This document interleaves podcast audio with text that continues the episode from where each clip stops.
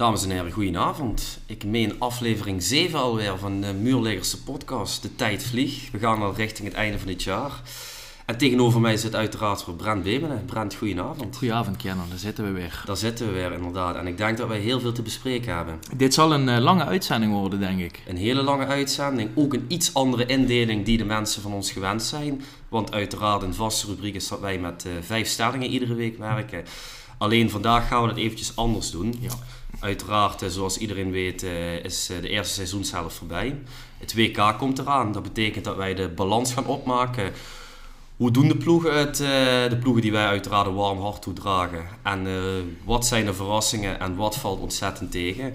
En we gaan uiteraard vooruitkijken naar het WK. Ja, dat staat er toch, dat staat er toch aan te komen. Hè? Jij zei mij deze week dat langzaam bij jou begon te kriebelen al. Hè? Toch het gevoel begon een beetje te komen. Nou, ik moet zeggen, ik heb echt tot nu toe uh, totaal nog niet dat gevoel gehad. En toen Louis van Gaal afgelopen vrijdag zijn persconferentie uh, gaf en aangaf van... Jongens, wij gaan een serieuze gooi doen naar de wereldtitel. Ik geloof daarin.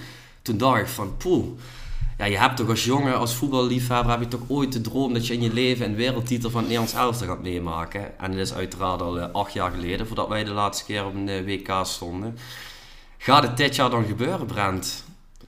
Ik heb mij denk ik een aantal weken geleden al vrij duidelijk uitgesproken dat ik dat niet zie gebeuren. Dat, dat kriebelend gevoel, dat is er bij mij ook nog steeds niet.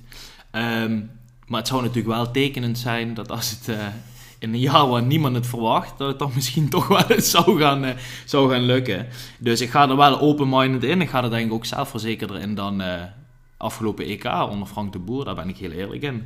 Maar we hebben misschien een goed team, maar als het op klasse aankomt, dan zijn wij gewoon een stuk minder, uh, minder goed dan in landen als Argentinië, Brazilië, Frankrijk, Duitsland, Spanje, als je het mij vraagt. Maar goed, oud cliché, het balletje is rond en je kunt in zo'n toernooi groeien, groeien. Dus ja, we gaan het zien denk ik. Ja, inderdaad. Um, later meer over het WK. Ja, lijkt me een goed plan. Um, laten we eventjes bij het begin beginnen, want uh, we hadden vorige week een podcast uh, waar ik uiteraard ja, vrij emotioneel was over het verlies van Ajax tegen PSV.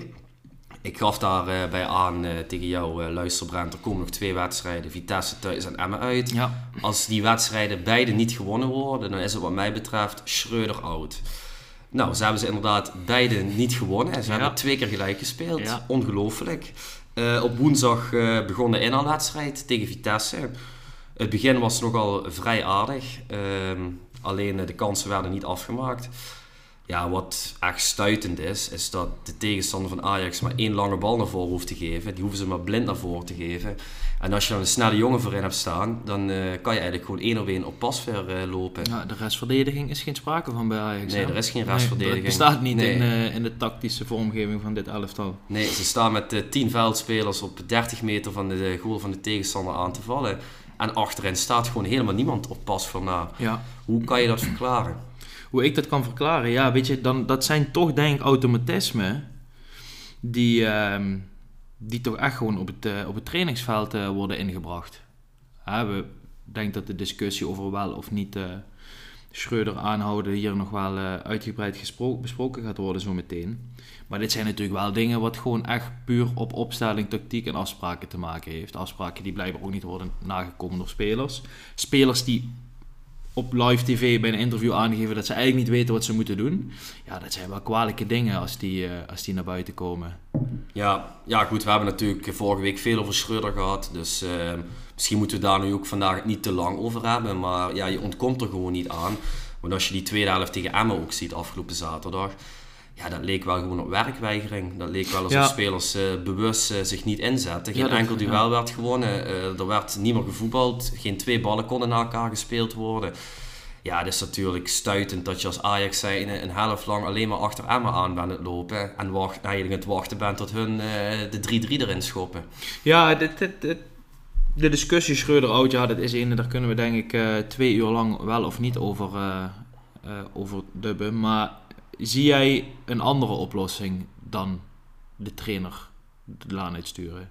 Ja, Is ben- er een andere oplossing hiervoor? Ja, er is zeker een andere oplossing. Ehm, kijk, ik ben niet de voorstander van paniekoplossingen, maar je moet het wel reëel inzien als je er geen vertrouwen meer in hebt dat Schreuder nog een tijd kan teren. En ja, laten we heel eerlijk zijn. Het interview van Bergwijn na de wedstrijd, wat jij net ook al aanhaalde, dat zegt misschien wel genoeg. Als uh, spelers uh, al voor de camera hun trainer niet steunen, op het veld is al duidelijk dat ze dat niet doen. Ja ja, goed, moet je hier dan nog wel mee doorgaan? Hij is de kleedkamer eigenlijk kwijt, zou je wel kunnen stellen dan ja, toch? absoluut. Maar goed, het is wel duidelijk dat uh, het bestuur van Ajax besloten heeft dat ze doorgaan met Schreuder. Anders was hij nu wel weg geweest, want dit is natuurlijk de ideale tijd uh, om een trainer te ontslaan. Mm. Dat zagen we Mm. vandaag ook met uh, Frank Wurmoed bij Groningen. Ja. Die positie was ook niet meer haalbaar als je als Groningen zijn en dan 15 wedstrijden 12 punten hebt. Dat is ook triest hè? En ehm, ja, goed, ze hebben dus besloten om toch door te gaan met Schreuder. En ik denk eerlijk gezegd dat je daarvoor PSV moet bedanken. Want als die thuis van AZ hadden gewonnen, dan sta je natuurlijk en drie punten achter op Ja. PSV en drie punten achter op Feyenoord. En nu is het heel raar, maar je bent ook nog een punt ingelopen op PSV. Omdat die thuis verliezen van Emmen, of eh, van, eh, van AZ. En eh, ja, je staat maar drie punten achter op Feyenoord. Dus ja, goed, je doet eigenlijk nog volop mee. Maar eh, er zit natuurlijk totaal geen perspectief in het veldspel. En ook niet eh, als je naar het gedrag van de spelers kijkt. Heeft dat er ook mee te maken dat, ehm, dat er eigenlijk geen fatsoenlijk alternatief klaar staat? Ja, vind jij Peter Bos geen fatsoenlijk alternatief? Ja, we hebben het hier natuurlijk zaterdag al, al uitgebreid over gehad. Maar is dat een garantie tot succes? Absoluut niet. Het tegenovergestelde. Peter Nee. Bos wint nooit een prijs. Nee, goed, dat is natuurlijk wel een, eh, een cliché wat eh, doorbroken kan worden. Eh, laten we vooropstellen dat, dat er op individuele klassen genoeg spelers rondlopen bij Ajax die, ja, die wel echt gewoon kunnen voetballen. En alleen het, het ziet er nu niet uit als een team en het ziet er ook niet uit alsof bestuurlijk, technisch beleid en de spelers dat dat een team vormt. Hè? Want het team op het veld is natuurlijk ook een club wat een eenheid moet uitstralen. Maar ehm, dat is misschien het enige waar ik Bos wel dan als frisse wind nog binnen zie komen en die dat voor elkaar kan krijgen. Alleen ja, ja, garantie tot succes is het niet. Maar ik denk ook dat met Schreuder aan het roer eh, het kampioenschap lastig wordt. Ik zeg niet onhaalbaar, maar lastig. En als je echt pech hebt, als het na het WK dadelijk eh, van kwaad tot erger gaat, ja, dan word je misschien dadelijk wel derde of vierde. Hè? Als AZ, PSV en een Feyenoord die vorm blijven vasthouden. En wat dan? Dan zit je met je Champions League spelersbegroting, salarisbegroting. En dan speel je dadelijk of helemaal geen Europees of voorronde Europa League of Conference League of wat dan ook. En is het dan te laat? Dus is dit dan niet nu een gemiste kans van het bestuur van Ajax om nu niet door te selecteren, in ieder geval op het gebied van de trainer? Ja, vind ik wel. En ik, ik, nou, nogmaals, ik ben echt geen voorstander van paniekoplossingen. Maar je ziet gewoon aan alles, dit gaat hij niet meer goed maken. Nee. Je gaat dat vertrouwen bij die spelers, dat Nee. ga je niet meer terugwinnen. en waar ik ook echt heel erg benieuwd naar ben, eh, Louis van Gaal heeft zeven Ajaxiden geselecteerd. Als jij dadelijk ziet dat een Blind een goed WK speelt, een, eh, een Taylor, een Pasveer, noem maar op, een Bergwijn... Ja, dan, dan zegt dat waarschijnlijk ook Dan wel zegt genoeg. dat waarschijnlijk wel genoeg, ja. Want Ja. Ik, ja, ik, ik denk wel dat... Kijk, laten we vooropstellen. Ik denk dat er genoeg ego's rondlopen bij Ajax. Ik denk over het algemeen meer dan bij een PSV, AZ of Feyenoord. Mhm. Ja, de reden dat Feyenoord... Feyenoord speelt natuurlijk niet goed. Maar wat Slot daarvan weet te brouwen... dat is natuurlijk echt de hand van de trainer die je daar terug ziet komen. En bij Ajax zie je eigenlijk dat, dat het nu heel lastig heeft... om die ego's samen te brengen. Een beetje wat hij in grotere mate en Pochettino ook nooit gelukt is bij een PSG. Misschien een hele overdreven vergelijking, maar op die mate. En ik denk, als je nu al die jongens kwijt bent, als nu al geruchten circuleren dat Blind en Schreuder een aanvaring hebben gehad, hè, en een Bergwijn die zich toch tot meermaals toe in interviews negatief uit over beleid en tactische dingen, dat ze het niet weten. Ehm, ik zag een story voorbij komen van Tony en Conceição. Hè. De ene gaf aan van 0 minuten Luca. vandaag en, en of Luca. Luca en uh, Conceição. Ja, sorry. Ehm, en de ene vier minuten. Als die jongens Ja. al zich zo gaan uiten, wat gewoon gehaald is voor de bangen voor de toekomst, ja, dan kun je toch eigenlijk wel stellen dat er geen weg terug meer is. En dan vraag ik me ook af, hoe lang laat je iemand zwemmen? Ja. ja, nee, helemaal mee eens. Je hebt het nu over spelers wat de derde of vierde optie zijn op de Ja. desbetreffende positie. Ja. Alleen die zien natuurlijk ook, het loopt niet. Ja, En hoezo krijgen wij de kans niet? En als je daar als trainer, dus dat, dat, dat, dat heb je als trainer in de hand. Dan zeg ik niet, die jongens moeten meer minuten krijgen. Maar dat is dus gewoon echt een voorbeeld van geen team hebben. En ook geen hiërarchie of pikorde accepteren. Weet je, zo'n jongen als een Ocampos, waarom is die in godsnaam gehaald? ja. En dan mag je nog blij zijn dat de RVC nog die definitieve transfer Ja, tegen heeft gehouden. En dat ze er op een Ja. huurtransfer hebben gegooid. Anders was dat 20 Ja. miljoen. Nu heb je het over 4 Ja, miljoen. maar waar, ja, snap je dat soort dingen? En dan, dan komt het meest kwalijke van allemaal natuurlijk. Dan heb je, kijk zeker hè, in, het, in, het, in, het, ehm, in de verdediging van Schreuder. Ze hadden hem beloofd, Martinez blijft en Anthony blijft. Die vertrekken. Dan geef je daarna 105 miljoen uit. Aan jongens die niks toevoegen. Mhm. Jongens in ieder geval niet, wat je een paar keer hebt aangegeven, de aanknopingspunten laten zien. Hey, hier valt wat van te maken, hier valt wat mee te doen. Weet je, als je zo'n Sanchez ziet voetballen of zo'n Bessie. Je, dat gaat nu, eh, vind ik dan ook wel erg, eh, erg makkelijk. eh, hoe ze is een Botman ooit vertrokken. Of hoe ze heeft Ajax nooit Mickey van de Ven opgepikt bij Volendam. Weet je, dat soort dingen. Dat is natuurlijk allemaal makkelijk. Maar ja, dat is natuurlijk wel terecht. Als je dan een Bessie voor 23 miljoen haalt en die raakt geen pepernoot. Nee, kijk, 23 miljoen, dat geef je alleen uit aan een speler als hij er direct kan staan. Op dit niveau wel. In Engeland is dat, een, is dat een, inderdaad een Conceição of een, eh, of een Luca, zeg Mhm. maar. Hè? Een, een, een, tweede of derde rangs speler, in ieder geval voor de bank. Ja. Maar Nederland, ja, dat zijn Ja. bedragen, kennen dat, zijn wij, dat, dat gebeurt nergens anders bij een Nederlandse BVO. Dat soort bedragen worden misschien totaal uitgegeven eh, in een hele zomer bij Twente. Voor, Ja. voor zes spelers die ze aantrekken, of acht. En dat is, dat, dat is natuurlijk de kritiek. En, en, en eh, kijk, ik denk dat het goed is, hè, want iedere topploeg heeft misschien zo'n reset nodig. En één keer in de zoveel tijd hoort dit erbij. En zelfs als je nu zegt, het gaat echt dramatisch en je staat maar drie punten achter op Feyenoord, ja, dan is er natuurlijk nog niks aan de hand. Alleen het gemis van aanknopingspunten en het gevoel dat iedereen van buitenaf en eh, ook de niet-fans zien dat zo'n Schreuder de kleedkamer kwijt is en dat die dat echt niet van vandaag op morgen om gaat draaien. Helemaal niet als de meeste van zijn startspelers nu ook nog weg zijn. Hij kan zeker werken met de jongens die er nu zijn, maar dan gaat hij nu geen, geen tactisch wereldwonder meer van, van brouwen als zeven jongens missen uit de A-selectie. Dus ja, ik denk, eh, ja, ik denk dat ze beter de pleister gewoon in één keer compleet eraf kunnen trekken. In plaats van heel langzaam en dadelijk dan eigenlijk zo na de winterstop, na misschien wel twee verliespartijen achter elkaar, dan pas een beslissing gaan nemen. Want dan gaat het natuurlijk nooit meer goed komen. Ja, maar dat is dus precies wat jij nu verwoordt. Dat is mijn angst juist als supporter. Ik denk als je hem nu ontslaat, weet je, dan heb je nog twee maanden voordat de competitie weer Ja, hervat je wordt. kunt nog eventueel aan de wensen van een trainer voldoen hè, in een transferperiode. Je hebt een soort tweede pre-season. Ja, klopt. Ja. En dadelijk in januari, als je hem dan toch wat vertrouwen geeft en inderdaad je verliest twee keer, dan ga je hem dan alsnog ons, ontslaan. Omdat je dan het gevoel hebt van oké, nu is het echt niet meer recht te breien. En dan moet je dan nog op zoek naar een trainer gaan. Die er niet is. Die er eigenlijk inderdaad niet niet, is. Eh, ja, en als hij dan komt, dan moet hij ook weer helemaal opnieuw beginnen. Want er zit natuurlijk 0,0 automatisme in- dat elftal. Ja, dan is het eigenlijk gewoon een verloren seizoen. En dan zit je inderdaad met je Champions League eh, salarissen. Ja, ja Dat, is, dat, is, eh, dat is vrij. Maar ja, dat eh. moeten van de Sar en, en een Huntelaar samen met Hamstra, die, die moeten dat toch inzien. Die Ja. moeten toch al vanaf, vanaf zondag eh, een soort directe lijn met elkaar hebben en dit moeten bespreken. Want we hebben het hier gewoon over natuurlijk ook het bedrijf Ajax. Ja, zeker. Wat zo, bedrijf. wat zo in de rode cijfers belandt. Ja. Als, hè, laat ik het zo zeggen, de kans ziet er op dit moment groot uit dat het realistisch is dat je, dat je de Champions League misloopt. Ja, dat klopt. En ze zullen wellicht begroot hebben op het feit dat die groepsfase ja, haalbaar zou zijn. Niet dat het eh, een, een vast eh, feit zou moeten worden, maar dat het gewoon haalbaar zou moeten zijn om de groepsfase Champions League te halen. In ieder geval door te komen.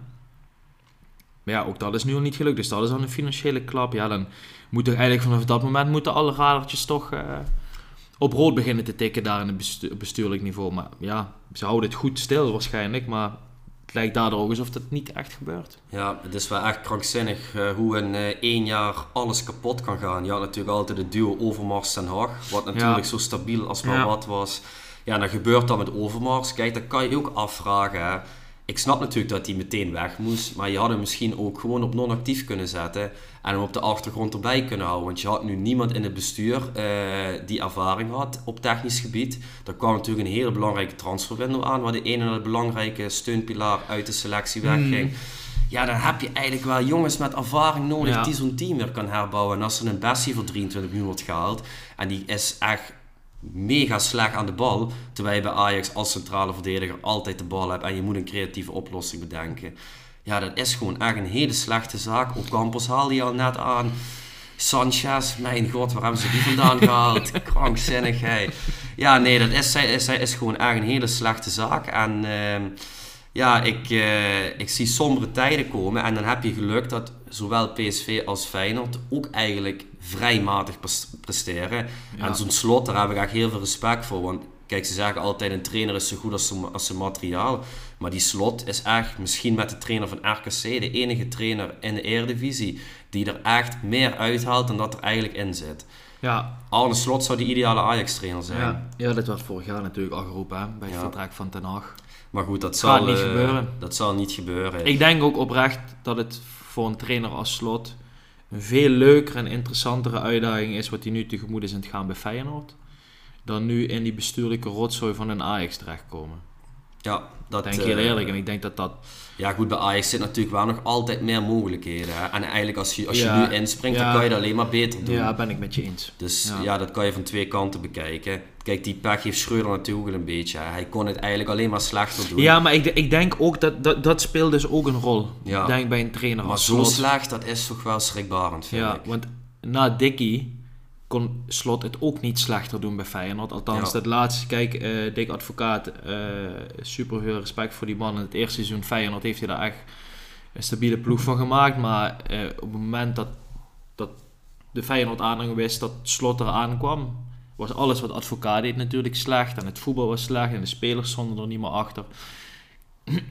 en misschien zijn het nu te veel grote schoenen, te grote schoenen voor Slot om te vullen, eventueel. maar goed, dit staat natuurlijk niet in zijn discussie. Want het gaat gewoon niet gebeuren dat Slot nu in het seizoen nee. Eh, afhaakt bij Feyenoord. En ik denk ook niet aan het einde van het seizoen. Nee, bestuurslid van Feyenoord heeft afgelopen zondag uh, tegen ESPN nog verklaard dat Ajax nooit bij Feyenoord hoeft aan te komen voor Arne nee. Slot. En terecht.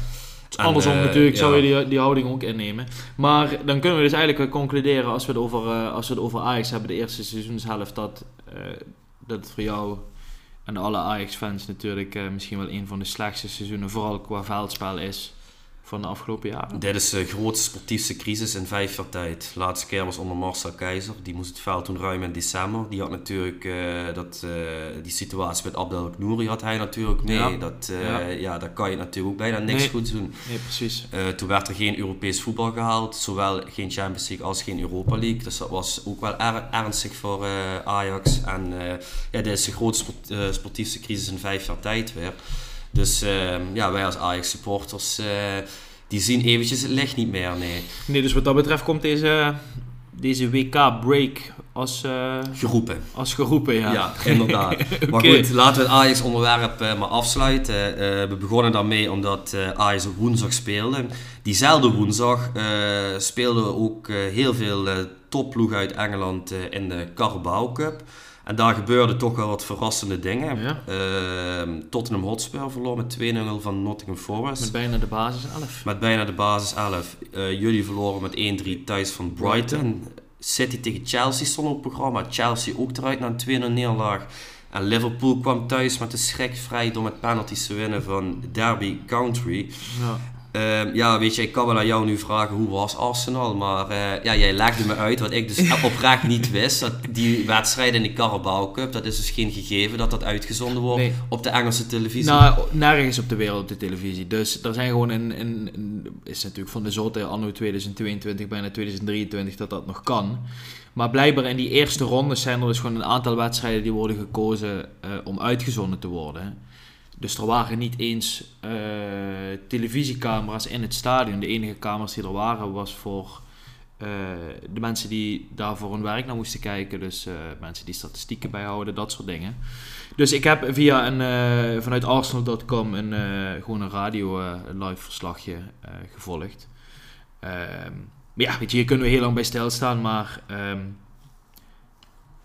ja, ja, de ik, ik, ben, ja, ja. we moeten er eigenlijk ja, woorden van maken. Ik ben heel eerlijk gezegd blij dat ze eruit leggen, omdat um, twee dagen na de finale van de 2K is die volgende ronde. Volgens mij hebben uh, City en Liverpool elkaar gelood, kan dat? Ja, klopt. Uh, dus dat betekent in het kader van de competitie dat als je iets wil in die competitie, in ieder geval in die Carabao Cup, dan ga je daar met een sterke opstelling naartoe. Je weet niet hoe je uit het WK komt. Niemand weet hoe we er dan voor staan.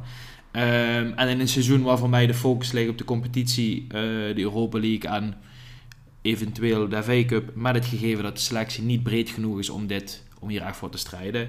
eh, denk ik dat die paar wedstrijden rust in dat bij elkaar gepropte tweede seizoenshelft geen kwaad kan eh, voor de selectie.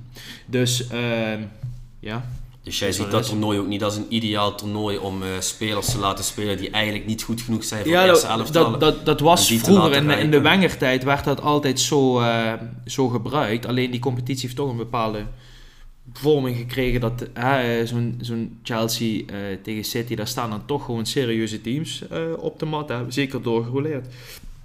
Maar vanuit een Arsenal perspectief is de selectie niet breed genoeg om te zeggen we komen hier met de C1 aan. Eh, en we maken Brighton lastig, want uiteindelijk lood je gewoon een Premier League ploeg. Kijk, als je ergens tegen Rochdale of eh, Grimsby Town of zo loopt, dan kun je dat doen.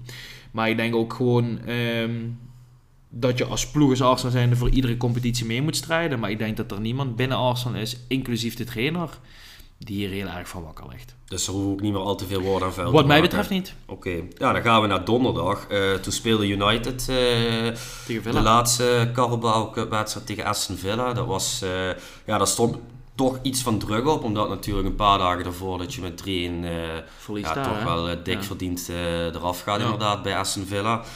Ehm, ja, er stond, eh, stond toch wel ook een vrij serieus team bij United eh, op het veld, ook bij Villa. Ehm, ja, dat was echt ehm, ja, dat was geen goede wedstrijd. Dat was echt, eh, echt geen goede wedstrijd.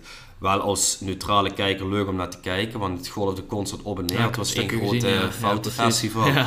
Dus eh, ja, er was wel iets van eh, amusement om naar te kijken, maar voetballend gezien was het niet goed. Ik denk wel dat die overwinning wel eh, wat rust gaf eh, voor United. Want stel je verliest in vier dagen tijd twee keer van Villa, dan is het toch wel, eh, dat is natuurlijk niet echt goed van de sfeer rondom de club. Dus ik was op, op zich wel blij met die overwinning. En ik moet ook zeggen, voor ons al vijf jaar geleden dat we een prijs hebben gewonnen. Dus stel wij winnen de Carabao Cup in het proces waar we momenteel zitten. Ja, dan zou ik toch wel een pilsje op drinken, moet ik zeggen. Ja, laat ik vooropstellen dat het eh, voor Arsenal ook niet vanzelfsprekend is dat ze ieder jaar een prijs winnen. Dus mijn, ehm, mijn mening eh, komt niet vanuit een soort van... eh, komt wel goed, een soort maar verwennerij, wel, maar ik zit natuurlijk in een iets andere ja, fase. Maar Precies. wat ik jou wilde vragen is... ehm, heb je liever dat je misschien zegt... Oké, die we doen nog meer voor die Carabao Cup. Er zijn een aantal grote ploegen uit. Leuk voor Ten Hag om in zijn eerste seizoen een prijs te pakken. Want het staat leuk op de cv. Of zeg je... Laat maar gaan en laat hem maar volledig focussen om die top 4 eh, spot te claimen. Want laten we nou gewoon heel eerlijk zijn. Die liggen gewoon voor het grijpen, die plekken. Ja, als je naar de huidige stand kijkt wel, inderdaad. Toch? Maar eh, ja, jij weet net zo goed als ik dat die tweede seizoenshelft, dat kan natuurlijk een hele andere competitie worden dan wat we tot nu toe eh, Ik, ik, hebben durf, gezien. ik, ik durf te zeggen, en dat, dat klinkt misschien gek, ik weet dat we het hebben over volgens mij een punt of 11 verschil tussen de nummer 1 en nummer 4. Maar het is geen gegeven dat de, de ploegen die nu in de top 4 staan, daar ook nog onderdeel van zijn. Alle vier eh na die tweede seizoenshelft. Want het kan net zo goed zijn dat het bij ons compleet instort als dadelijk van de 10 of 11 jongens die mee zijn van het WK er drie zwaar geblesseerd raken. En ik kom dan weer bij mijn eerdere punt dat de selectie niet breed genoeg is om dan die kwaliteit te waarborgen Mhm. die je de afgelopen wedstrijd hebt laten zien. Dus ehm, Ja, ik snap een- dat wel. Ja, en een Chelsea en een Liverpool wat natuurlijk veel te laag staan momenteel. Daar verwacht je natuurlijk super wisselvallig. mee. Ja, die staat wel nog vierde. Hoe lang doet Newcastle het nog zo goed, Ja. is de vraag. Hè? Ja, dus ehm, nou ja, ik vind het op zich wel, eh, ja, ik vind het toch wel fijn dat we nog in die Carabao Cup zi- zitten. Zeker gezien het feit dat grote ploegen uit zijn. En eh, City eh De- inderdaad nu Liverpool, dus daar gaat weer een grote ploeg uit. Ja. Dus eh daar is wat mogelijk, eh, naar mijn mening. ja, snap ik. Ehm, diezelfde dag speelde Feyenoord thuis tegen Cambuur. Daar eh, gingen ze definitief over Ajax heen. Ja. Wonnen thuis met 1-0. Vrij moeizame overwinning, maar eh, ja goed, waar we het dus net ook over hebben gehad. eh Feyenoord heeft geen topteam en ja, het is gewoon heel knap dat we eh, momenteel bovenaan staan. Ja, Ja, en, ja, nogmaals, groot compliment richting Arne Slot. Mee eens. Dat mag gezegd worden. Eh, en toen werd het vrijdagochtend. en toen was het een uurtje of half elf. En ik krijg een melding. De Gelderlander meldt, Jasper Sillissen flipt compleet uit. Hij zit niet bij de selectie van Louis van Gaal. Ja, het, het- ik zeg je eerlijk, het eerste wat ik dacht was van dat account is gehackt. Want dat kan niet waar zijn. Dat kan niet kloppen. Wat was jouw eerste reactie? Ik moest lachen. Ja, ik moest lachen. En ik, eh, ik liep op kantoor en ik opende inderdaad eh, op het werk even Twitter. En dit was denk ik een uurtje voor de, voor de, Ja, om 12 uur werd de selectie het interview, van, of in ieder geval de, de selectiepresentatie Ja, van Van ja. En ik denk, dat kan, dat kan ik meteen niet lezen. De Gelderlander bevestigt aan Voetbal International. Voetbal International is over het algemeen geen roddelblad. Ik denk, oké, serieus. Was ik wel heel benieuwd wat de keuze wel opviel. Dus in eerste instantie had ik daar niet echt een mening over. Maar toen ik inderdaad zag dat het Pasveer, Bijlo en Noppert waren... toen heb ik me wel een paar keer achter de oren gekrapt van... oké, ehm, kijk, ik vind het stiekem eigenlijk een beetje grappig. Eh, omdat eh, ook komen we zo natuurlijk verder. Ik ondertussen een aantal interviews heb gezien van Jasper Sillissen. Na de bekendmaking hiervan. Ik een aantal interviews heb gezien van Jasper Sillissen. Voor de bekendmaking van dit feit. En hij straalt niet echt iets, iets uit van een bepaalde gunfactor. Of een bepaald dat je denkt van... Och, wat klote, ik gun het die jongen. Plus laten we gewoon heel eerlijk zijn. Buiten het feit dat het een jongen is die de Nederlandse elftal altijd goed heeft gedaan, is het niet dat hij zo onomstreden is geweest in zijn carrière dat hij overal altijd als eerste geselecteerd werd en speelde buiten zijn Ajax-carrière. Na Barcelona, eh, na Ajax naar Barcelona, tweede keeper. Daarna bij Valencia, waar hij zich ook nooit echt als eerste echte keeper heeft gevestigd. Dan gaat hij terug naar NEC. Ja, weet je, allemaal leuk en aardig. Maar ja, ik vind dat niet per se dan een garantie voor een WK-selectie. Ehm, maar Jasper Sillissen vindt dat vooral zelf heel erg. En dat maakt het voor mij natuurlijk toch wel enigszins slagwekkend. Ja, goed, kijk, Jasper Sillis is geen Edwin van der Sar. hè. Kijk, bij, Daarom, kijk, als dat is niet iemand van zo'n nee. van zo'n statuur. Nee, als Edwin van der Sar in die tijd niet geselecteerd werd, dan, dan mag je echt afvragen of de bondscoach nog wel helemaal 100 is. Ja, precies. Dan had hier het hele land in de, Ja. in, de fik gestaan van eh, boerenprotesten en alles eh, bewijzen van. Precies, maar de keepers die nu geselecteerd zijn, die zijn ook niet onomstreden. Kijk, Louis van Gaal haalt, haalt de argumentatie van Jasper Sillis is niet in vorm. Vind ik een heel zwak argument, want er is veel meer aan de hand. Ja, er Dat- is dat veel meer aan de hand. niet anders. we- ik durf te wedden, en het gaat nooit naar buiten komen, maar hoe Jasper Sillissen zeg maar eh, vanaf ehm, het EK vorig jaar eigenlijk een beetje in de media is gekomen. Want toen stond zijn plek ook al ter discussie, hè? rondom het EK. Vorig jaar, het jaar daarvoor. Toen eh, mocht hij niet meedoen om positieve Ja, klopt, maar daarvoor stond zijn discussie al ter plaatse. En Frank de Boer heeft ook wel eens gezegd, ik weet niet of Jasper Sillissen mijn nummer 1 keeper is. Ehm, ik denk dat al die negativiteit in de media er voor Van Gaal en de technische staf heeft bijgedragen dat ze die onrust niet willen tijdens een WK. Want wat inderdaad, als dadelijk zij vinden dat een Remco Pasveer of Andries No- Noppert moet spelen en die laten de eerste drie wedstrijden drie doelpunten door, wat ga je dan krijgen? Sillissen moet spelen en dit en dat en zus en zo. Ik wil nog steeds niet zeggen dat het niet gaat gebeuren, maar ik denk dat dat echt een grote rol heeft gespeeld. Dat denk ik ook, maar wat ik dan niet begrijp, ehm, in 2012 eh, had je het EK in Polen en Oekraïne onder leiding van Bert van Marwijk. En er was ook heel veel gedoe binnen die selectie. Vooral Klaas-Jan Huntelaar was toen heel moeilijk, want het liep niet. En hij moest maar altijd op de bank zitten, terwijl hij heel goed presteerde bij Schalke. En Van Persie die speelde en Van Persie Ja. die leverde niet. Dus wat heeft Louis van Gaal met het WK 2014 gedaan, voordat hij de selectie bekend maakte? Heeft Huntelaar bij, eh, op zijn kantoortje geroepen. Hij zegt, luister Klaas-Jan, Van Persie is mijn nummer 1. Kan jij je in je rol schi- schikken als pinchitter? Heeft Huntelaar gezegd van, bedankt voor je open eerlijkheid. Dat kan ik, ik ga mee naar het toernooi. Naar het toernooi. Dat heeft Louis van Gaal niet met Jasper Sillissen Nee, want je gaat natuurlijk niet je tweede of derde keeper eh, zo doorleren. Huntelaar kan natuurlijk, kon in zo'n toernooi altijd rekenen op een kans. Nee, dat klopt. Je gaat niet in het midden van de wedstrijd zeggen, Andries het loopt niet jongen, kom maar Jasper, kom maar erin. Ja, hij zou hem ook niet voor de penalties erin brengen, denk ik, Sillissen. Nee, en ik denk dan als je dan heel eerlijk gaat kijken, en daar blijf ik bij, als die jongen het ooit een keer lukt om gewoon drie seizoenen achter elkaar fit te blijven, is en blijft Bijlo de beste keeper die we in Nederland hebben rondlopen. Ja, maar ja, ik, ik, kijk, ik vind niet dat Sillissen niet geleverd heeft bij NEC. Ik denk dat hij twee zwakke wedstrijden heeft gekiept. En voor de rest heeft hij gewoon echt heel stabiel gekiept dit seizoen. En in september, toen uh, Pasveer die twee wedstrijden in de- Nations League eh, kreeg van Van Gaal, heeft hij ook op de bank gezeten. En toen zei Sillissen in een interview van ja, de bondscoach heeft alleen maar gezegd van als ik presteer, dan zit ik erbij. Dus daar ga ik vanuit. En wie dan nou eerste keeper wordt, dat zien we wel. Nou ja, goed, dat klinkt dat- dan niet erg als open en eerlijk Nee, en transparant vanuit Er moet iets gebeurd zijn. Er, er moet iets gebeurd zijn. En wat ik eerlijk gezegd, en dat is misschien een hele eh, rare mening, maar wat ik eerlijk gezegd frappanter vind, is dat Vlekken niet mee is in plaats van. eh, sorry, dat ja, Vlekken niet mee is in plaats van Noppert. Ja, Ik vind dat misschien nog, wel- en dat, dat wordt bijna niet uitgelegd natuurlijk, maar ik vind dat een gekkere beslissing dan Sillissen niet mee. ja, er is maar één reden waarom Noppert mee is en dat is voor de penalties. Stel je komt in een Ja, penalty shootout, om- dan... omdat, hij, zeg maar, hij is natuurlijk ook geen Tim Krul, die echt al jarenlang een reputatie heeft van een penalty killer. En Andries Noppert heeft misschien nu op twee try-outs laten zien dat hij van de acht ballen er wel- twee wel tegenhield en pas Sillissen geen. Ja, dat is voor hun genoeg. Ja, het zou ik een zeer zwak argument vinden. Ik denk namelijk nog steeds in het systeem met een meevoetballende keeper, dan heeft Vlekken gewoon de beste cijfers.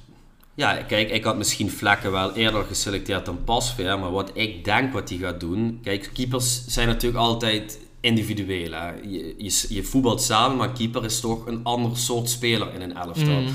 Dus het is best fijn als een tweede keeper jou dan een beetje begeleidt van... Luister jongen, doe rustig aan, doe gewoon je ding. Blijf stabiel, hou je concentratie. En ik denk dat Pasveer heel goed schikt in die rol als tweede keeper dadelijk. Ik denk- overigens wel dat Pasveer nummer 1 heeft gekregen. Ja. Dat zegt natuurlijk niks. En toen zag ik dus vanavond die Oh, daar wilde je naartoe, ja. Ja, daar wil ik naartoe. Ja. En ik denk van, het kan toch niet waar zijn dat Pasveer dadelijk eerste keeper wordt. Want als iemand niet in vorm is, dan is het wel Remco Nee, Pasveer. het kan natuurlijk ook te maken hebben met... Weet ik veel, dat Bijlo heeft gezegd, geef mij graag 13. Ja, niet aan geluksgetal. Niet maar- aan geluksgetal, maar bij keepers zie je het nog wel eens vaker voorkomen. Maar, Nee, da- maar s- da- toen dacht ik wel, dat, dat zou ik nou wel, echt de meest van Gaal-achtige keuze ooit vinden. Ja, dat daar, begrijp ik, Pasveer- daar zal ik helemaal niks van begrijpen. Echt, daar zal ik geen één goed argument voor kunnen bedenken. Nee. Echt, ja, hij, hij, hij is de oudste, hij heeft misschien de meeste wedstrijden gekiept, maar ook geen toernooiervaring. Is- Is niet in vorm. Ja, nee, dat zal ik echt heel Nee, frappant ook- vinden. ja, misschien heeft hij daar een bepaalde lijnen en automatisme gezien op trainingen. Wat loopt met de achterhoede. Lopen toch wat jongens van Ajax rond. Dat Van Gaal dat op die manier bedenkt. Ik weet het niet. hè. We moeten het natuurlijk zien volgende week eh, Mhm. eh, maandag. Maandag beginnen. Ehm, maar toen dacht ik wel van oké, pas Ja. ver 1.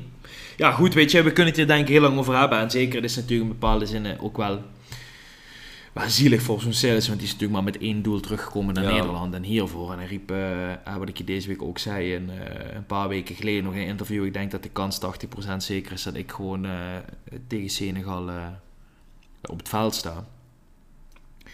Ehm, maar ik vind ook hoe hij zich opstelde in de interviews en zijn manier van voorkomen, een bepaalde arrogante uitstraling, denk ik, ja, weet je, Heb je dat interview bij ESPN gezien van hem? ja, Na- met Helene. Ja, Ja, Maar- belach- belachelijk hoe hij zich daar Ja, opstelt. ik vond het best wel ten eerste verbaasd mij dat hij daar stond. Ja, dat Want- moet ik wel Want zeggen, ik ja. denk van, oh Ja. die gaat de komende twee maanden niet met de media Nee. praten. Maar hij stond er meteen, vond ik netjes. Dat interview duurde zes minuten. Dus hij gaf vrijwel op alle vragen antwoorden. Hij zei alleen bepaalde dingen hou ik wel intern. Maar hij was toch wel vrij open, vond ik. Maar het was toch met zo'n houding van, hè, hè, snap je, kijk, zoals jij en ik nu dit gesprek voeren, zo zei je dat niet. Het was de hele tijd zo van, heb je, ik heb geen argumenten gehoord. Nee, weet jij iets beter? Weet je, de hele tijd het zo weer leggen en een bepaalde manier van, vertel jij het mij, dan vertel ik het jou. En dat kan natuurlijk iets zijn hoe een persoon is of het karakter. Maar ik denk, het lijkt me oprecht geen fijne jongen om in de groep te hebben. Nee, nee. Ik denk ook echt, zo'n Jasper Sille is echt iemand die je vroeger in de klas had, waar je wel eens van dacht van, het liefst zou ik jou gewoon een tik verkopen. Ja, zeker. Snap je, zo'n type komt je op mij over. Ja, dat is het ook. Ja, dat is Dus, het en dat is alleen al op tv, Ja. dus ik kan me best wel voorstellen dat in zo'n groep, eh, dat dat gewoon geen fijne jongen is om erbij te hebben. En dat het ook geen jongen is die, kijk je hebt natuurlijk altijd wat je zegt, die keepers zijn individuen, maar die drie keepers die meegaan naar een, naar een EK, WK of wat dan ook, of in een selectie zitten, is een soort unie. Die keepersunie, weet je wel. Gewoon wij met z'n drieën en we steunen elkaar en Maar je zou daar kunnen- denk ik gewoon dat hij daar compleet buiten de boot valt. Je zou kunnen zeggen, zo'n klootzak is juist goed om in het team te hebben. Want de beste vriendengroep, die, worden, die winnen nooit een prijs om een voetbalelftal. Dat is gewoon zo. En ik snap eh, jouw beredenatie en eh, ik kan er ook wel ver in meegaan. Maar ik vind wel, dit is wel een argument wat je ook al maanden geleden tegen Sillissen had kunnen zeggen. En dan hoeft hij niet van Valencia terug naar NEC te gaan. Want dat is het enige doel waarmee hij terug naar Nederland is gekomen. Ben En dat is van, ik wil als eerste keeper naar het WK. Ja. Ja goed, als ik niet eerste keeper word, dan word ik tweede. Maar helemaal niet selecteren ten opzichte van Bijlo, Sillissen, of eh, Bijlo, Pasveer en, eh En Noppert. Ja, ik, eh, ik vind dat heel frappant en ook wel erg lullig van hem. Ondanks dat het inderdaad een, eh, een misselijk mannetje is. Ja. Ja. Maar nee, we gaan het moeten doen met deze jongens. hè. Als we dan even... ehm, Naar de verdediging. Naar de rest van de selectie Ja. kijken. Van, wat, wat is je daar nou opgevallen? Want ik vind Sillis ook natuurlijk het meest besproken. Maar ik heb nog wel een aantal namen die bijna niet in het pers nu op dit moment voorkomen. Van ik denk, die had ik er ook wel graag bij gezien. Ja, wat mij heel erg verbaast is dat hij zowel Luc de Jong als Wout Weghorst mee heeft En genomen. Vincent Janssen. Ja, weet je, Vincent Janssen, daar denk ik dat ik nog wel mee over kan denken. Maar Wout Weghorst snap ik echt helemaal niks van. Want Luc de Jong, dat is duidelijk. Loop het niet, lange ballen op Luc de Jong. Ehm, Vincent Janssen, die kan in de basis acteren. Want, kijk, ik ben geen fan van Vincent Janssen. Maar wat hij wel goed kan, is dat hij ervoor zorgt dat spelers om hem heen beter gaan voetballen. Zeker, dat is een verbinder. Een verbindende Precies. voetballer, ja. Precies. Dus die rol heeft Vincent Janssen. Die rol heeft Luc de Jong. Maar voor wel- welke rol krijgt Wout Weghorst dan? Dat, Ja, dat, dat begrijp is- ik helemaal niet. Is de jongen die je zegt misschien een beetje die, die passie en die vechtlust en 110% iedere dag geven en daarmee... Mij goed lijkt dat de ook geen fijne jongen om in het team te hebben. Daar ben ik heel Ja, eerlijk in. ja, ik snap dat wel. Ja, ik denk vooral wat ik het meest frappante daarin vind is, je hebt natuurlijk een bepaalde basiself. We gaan ervan uit, als we met twee jongens voorin voetballen en ze zijn fit, is dat Bergwijn en de Pai. De Pai is natuurlijk de creatieveling, maar ook de jongen die de bal vast kan houden. En de Bergwijn is de jongen van de snelheid en het afmaken. Ik kan me best voorstellen dat daar een De Jong of wat dan ook, als je de selectie wisselt, omheen kan. Hè, in een soort driemans, drie, driemans aanval met De Jong in het midden. En dan die bal erin pompen en hopen dat het goed valt. Jansen is wat mij, wat mij betreft wat minder die pinch hitter, maar meer wat jij eh, ook al aangaf, wat we net concludeerden, de verbinder. Maar dan denk je, je hebt voor die Bergwijn nu niet per se een ideale vervanger. En dan zeg ik, neem dan in plaats van Weghorst een Danjuma of een Malen mee. Dat je in ieder geval dat systeem in zekere zin in ere kunt houden door de spelers wel op basis van hun kwaliteiten één op één te vervangen. Mhm. Want stel je komt dadelijk... st- st- wat gaat hij dan doen? Gaat hij dan gegeven moment Jansen en De Jong voor inzetten? Of Jansen en Weghorst? Of Ja, De Jong en Weg- Weghorst? Ja, maar Gakpo is voor mij ook niet een type Bergwijn. Nee, nee, dat, eh, dat klopt. Maar ik denk wel dat hij daar het meest voor een aanmerking komt van de huidige selectie. Die we Ja, maar da- hebben. daarom vind ik het gek. En ik denk zo'n Juma, die is zo vliegensvlug. En ik weet, die is best wel lang geblesseerd geweest ook. En is nu de laatste weken terug. En misschien niet in de vorm van, van vorig seizoen. Maar ja, ja, die, ja, ik vind het geen logische redenering om Weghorst mee te nemen. Of Nee. in ieder geval niet Weghorst en De Jong. Nee, dat snap ik ook echt niet. Ja, En dan hebben we natuurlijk nog het verhaal Brobby, waar we het, ehm denk vorige week of de week daarvoor over hebben gehad. ja. Die je ook nog had kunnen meenemen. Maar, Maar- vind ik dat misschien minder discutabel. Ja, want ik moet wel heel erg bekennen, ik ben groot eh, Brian Brobby fan, maar de laatste drie wedstrijden heeft hij eigenlijk niks goeds Vanaf gedaan. PSV eigenlijk was het al Ja, dus dat, eh, ja goed, die heeft niet zijn kans gepakt. Ik Nee. denk als hij die drie potten gepresteerd had, dan had Van Galen misschien Ja? toch wel meegenomen. In ieder geval, dan was het de kans best reëel geweest. Maar nu, eh, ja, nu heeft hij zijn, zijn eigen kans niet gepakt, maar ik zie daar wel eh, een grote toekomst voor, voor de het toekomst. Ja. Ja. Ehm, ja, dan nam hij nog Noah Lang mee. Een speler die ehm, ja, toch eh, lang niet gevoetbald heeft dit seizoen bij Club Brugge. Wilde eigenlijk al weg afgelopen zomer, had daar al zijn zin op gezet. Al afscheid genomen van de supporters, et cetera. Ja, goed. ook wel grappig enigszins. Ja. goed, als je natuurlijk over misselijke mannetjes hebt, dan, Dan is staat hij, dan staat hij natuurlijk Ja. wel eh, met stip op één inderdaad. Maar ik snap ook daar ergens wel de beredenatie van, van Gaal. Stel, het loopt totaal niet en je brengt hem in. Dat is natuurlijk wel een jongen die uit het niets eigenlijk actie iets kan ja, creëren. een actie en in die, zich. Ja, Ja. en die die Ja. wedstrijd open kan breken. Dus daar wil ik op zich ook nog wel enigszins Hij, in heeft, hij, hij heeft meer een individuele actie in zich dan een Danjuma en een Malen. Mhm. Kijk, een Malen speelt week in, week uit misschien wel bij dat Dortmund in ieder geval veel.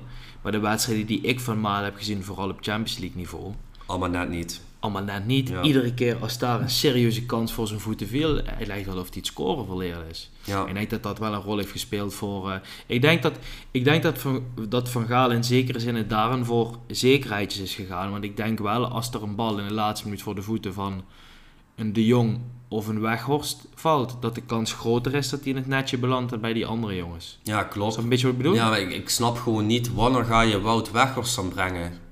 Dat, snap ik niet. Ga je dan met Luc de Jong de en verlenging. Weghorst... De eh, verlenging, sp- ja, ik weet het niet. Ja, ik, ik vind Maar het zijn inderdaad het zijn te veel eenzelfde type speler om ze allebei tegelijkertijd in het veld te zetten. Dus dan is er één van die twee mee voor de kleedkamer. Voor de andere geblesseerd. Zou die denken, ik wil Luc de Jong meenemen, maar wat als hij me weer geblesseerd raakt? Net weer fit, ben ik mijn pinchhitter kwijt? Zou Dat die zo zou, een, denken? eh, dat zou een goede achterliggende gedachte Ja. inderdaad eh, kunnen zijn. Maar dan gaan we natuurlijk maken het sprongetje van de keepers naar de aanval. Maar dan hebben we natuurlijk nog twee linies. Uh, ja, um, dat klopt. Het middenveld. Um, wat mij verbaasde was Taylor geselecteerd, Gravenberg ja, niet. Ja, dat uh, was eigenlijk ook wel het enige wat mij heel erg uh, verbaasde. En allebei de jongens, kijk, Gravenberg speelt natuurlijk uiteraard niet bij München. De laatste weken mocht hij dan af en toe wat minuten maken. Maar Taylor, ja, is niet nou dat hij echt de sterren van de hemel speelt. En het is leuk dat je dan zegt, die jonge jongen gaat mee. Maar dan, Gravenberg heeft al een paar keer bij gezeten. Is voor mij ook veel meer een fysiek sterke speler die je op dat middenveld kunt gebruiken ten opzichte van een Taylor. Ja, misschien dat Taylor een linkspoot is. Ik heb ja. werkelijk geen andere logische redenering. Ja, Taylor is eigenlijk rechts, maar uh, hij heeft inderdaad het voorbode dat hij met links even hard kan schieten als met rechts. Twee benen ja, dan, als, ja. Dat, uh, als dat alles is. Uh, nee, ja, geen idee. Dat zal misschien ook iets te maken hebben met karakter. Of misschien het feit dat Taylor toch wat meer minuten heeft gemaakt. Waarvan Gaal zelf ook heeft gezegd dat dat geen grote rol meer speelt. Nee. Um, ja, ik vind dat, ja, ja ik, ik vind het jammer dat Van Gaal er niet echt logische verklaringen voor voor ons ook aanhangt, zeg maar, ja. die wij ook echt begrijpen. Want hij is dus, ja, dat is, ja, ik moet er altijd om lachen als ik naar die persconferenties kijk, maar iedere vraag die een journalist stelt, dat, die vraag die ontwijkt hij en dan begint hij eigenlijk met het kritiek van hoezo, hoe durf jij mij die vraag te stellen? Heb je wel enig idee als ik hier antwoord op geef wat voor druk ik bij mijn spelers leg? Ja. Willen jullie nu dat we wereldkampioen worden of niet? Stop met die vragen stellen. Ja, jongens, we, mogen toch wel gewoon weten hoe dat zit of hoe dat zit. Dat, dat, dat, zullen we bij Louis van Gaal nooit echt, weten. Dat is de grote Louis van Gaal show. Maar ja, goed, hij, hij doet dat ergens, doet hij dat misschien wel echt goed, want eigenlijk alle, ja, alle moeilijke thema's, dat houdt hij wel echt bij die selectie weg. Dus ja. ja. goed, misschien voor de lange termijn hebben we er dadelijk profijt van. Maar mijn god, wat een figuur is dat, Ja. die Louis van Gaal. Echt Ja, ik ben ook wel, kijk, eh, Louis van Gaal, geweldige trainer, heeft veel voor Nederlands voetbal betekend. Maar ik ben wel blij als we dadelijk wat meer de, de droge Ronald Koeman voor die groep hebben staan. En ook voor de, voor de camera's. Want ja, kijk, ik snap het, hè, je moet dat. Maar ja, ik kan een trainer niet serieus nemen die zegt... Wij maken een goede kans om wereldkampioen te worden. Ik vind dat, ja, ja ik weet niet. Misschien is dat een beetje het, eh, het nuchtere Nederlandse in mij, maar daarmee leg je misschien ook een bepaalde druk neer. Ik moet wel lachen, zo'n de jong die zegt, ja, je roept dit vaker. Eh, en hij zegt, maar de jong zegt dan, ik denk dat we inderdaad een goede kans kunnen maken, snap je? Die jongens Ja. durven echt niet te roepen, we gaan naar het WK om wereldkampioen te worden. Alleen ja, ehm, misschien is dit het tactische, psychische spelletje wat Van Gaal speelt. Hij heeft het in 2014 laten zien, hebben we de halve finale bereikt. Ik ben van mening dat we toen een sterkere selectie hadden. Alleen, er waren ook jongens als Ron Vlaar eh, hè, en zo erbij, die, die accelereerden in een systeem waarvan we dachten, wat moet die in godsnaam... Bruno Martens en Bruno Martens Indy, wat moet die in godsnaam erbij? Dus ik geef Van Gaal wat dat betreft wel gewoon de credits en daarmee het voordeel van de twijfel. Zeker, zeker. Ehm, over de verdediging gesproken. ehm daar nog iets geks voor jou? Nou ja, goed. eh, wat toch ook wel vrij frappant is, is dat hij twee jongens heeft geselecteerd die nog nooit een minuut voor Nederland zelf hebben gespeeld. In de zin van eh Xavi Simons en Jeremy Frimpong. Ja, dat klopt. Frimpong is dan de, de, rechts, eh, de rechter wingback. Ja. Simons als ja, aanvaller, aanvallende middenvelder. Ja, ja, Vleugelspeler kan denk ik overal op die linies. ja, hij speelt PSV natuurlijk best vaak rechtsbuiten. Ja. Ehm, ik denk als Nederland omschakelt in een wedstrijd naar 4-3 systeem, hebben wij niet echt een rechtsbuiten in het Nederlands elftal. Nee. Berghuis kan er spelen. Of eventueel eh, die Xavi. Simons. Dus Ja, ik denk dat daarom is meegenomen. Ja, en die jongen heeft gewoon echt een heel goed, eh goede eerste drie maanden bij PSV gespeeld. Ook een misselijk ventje moet ik zeggen. Op dat gebied hebben we niet Klein de leukste persoonlijkheden. klein huilenbalkje, Ja, echt Ja. een klein huilenbalkje inderdaad. Ja. Ja, op dat gebied hebben we niet echt eh, leuke persoonlijkheden, vind ik, in het Nederlands elftal. Misschien een Frenkie de Jong, Matthijs de Ligt, nou... Maar verder eh, niet echt mensen waarvan ik zoiets heb van, eh, daar kijk ik Daar tegenop. kijk je tegenop. Nee, dat snap Nee. ik. Nee, maar ik die, eh, ja, die Jeremy Frimpong, dat schijnt toch wel echt een revelatie te zijn. hè. Ik kijk niet veel wedstrijden van Leverkusen, maar ja, Ja. ik heb er ook niet veel van gezien. Dat wat ik heb gezien is in de Champions League. Ja, daar zit een snelheid op dat wij niet weten. Dus wel de ideale Dumfries vervanger. mhm. Grappig is natuurlijk dat ehm, die jongen de Nederlandse taal helemaal niet beheerst. ja. ik zag naar een interview, Ja. moet dan in het Engels worden afgenomen. Ja, ja, want hij is volgens mij zijn zevende eh, naar de City Academy gegaan, Ja. hè, van Manchester City. Daar heeft hij eh, de jeugd doorlopen. Dus eh, ja, Simons was in het begin natuurlijk ook de Nederlandse taal niet meer helemaal machtig, omdat hij alleen maar Spaans heeft gesproken. En, en Frans of Engels de afgelopen jaren. Maar ik vind het op zich vind ik dat grappig. Ik, ik vind dat niet per se dan slecht of zo. Nee, ik denk, het kan helemaal alleen maar leuk zijn in een groep. En ja, die jongen doet het gewoon rete goed. En buiten het feit dat hij als wingback kan fungeren, kan hij eventueel ook nog een linie naar voren. Dus als rechtsbuiten of linksbuiten, bij wijze van, kan hij zich gewoon waardig, eh, waardig eh, opstellen. Dus ik, eh, ik vind wat dat betreft, ehm, daar zijn we gewoon, daar zijn we gewoon goed. eh, De beste linie is de elkaar de beste verdediging. linie is de verdediging eigenlijk. Kijk, je kunt natuurlijk dan nog wel een verhaal maken over had een Botman meegemoeten of zo. Want die draait natuurlijk wel echt een fantastisch seizoen met Newcastle, doet het daar echt goed.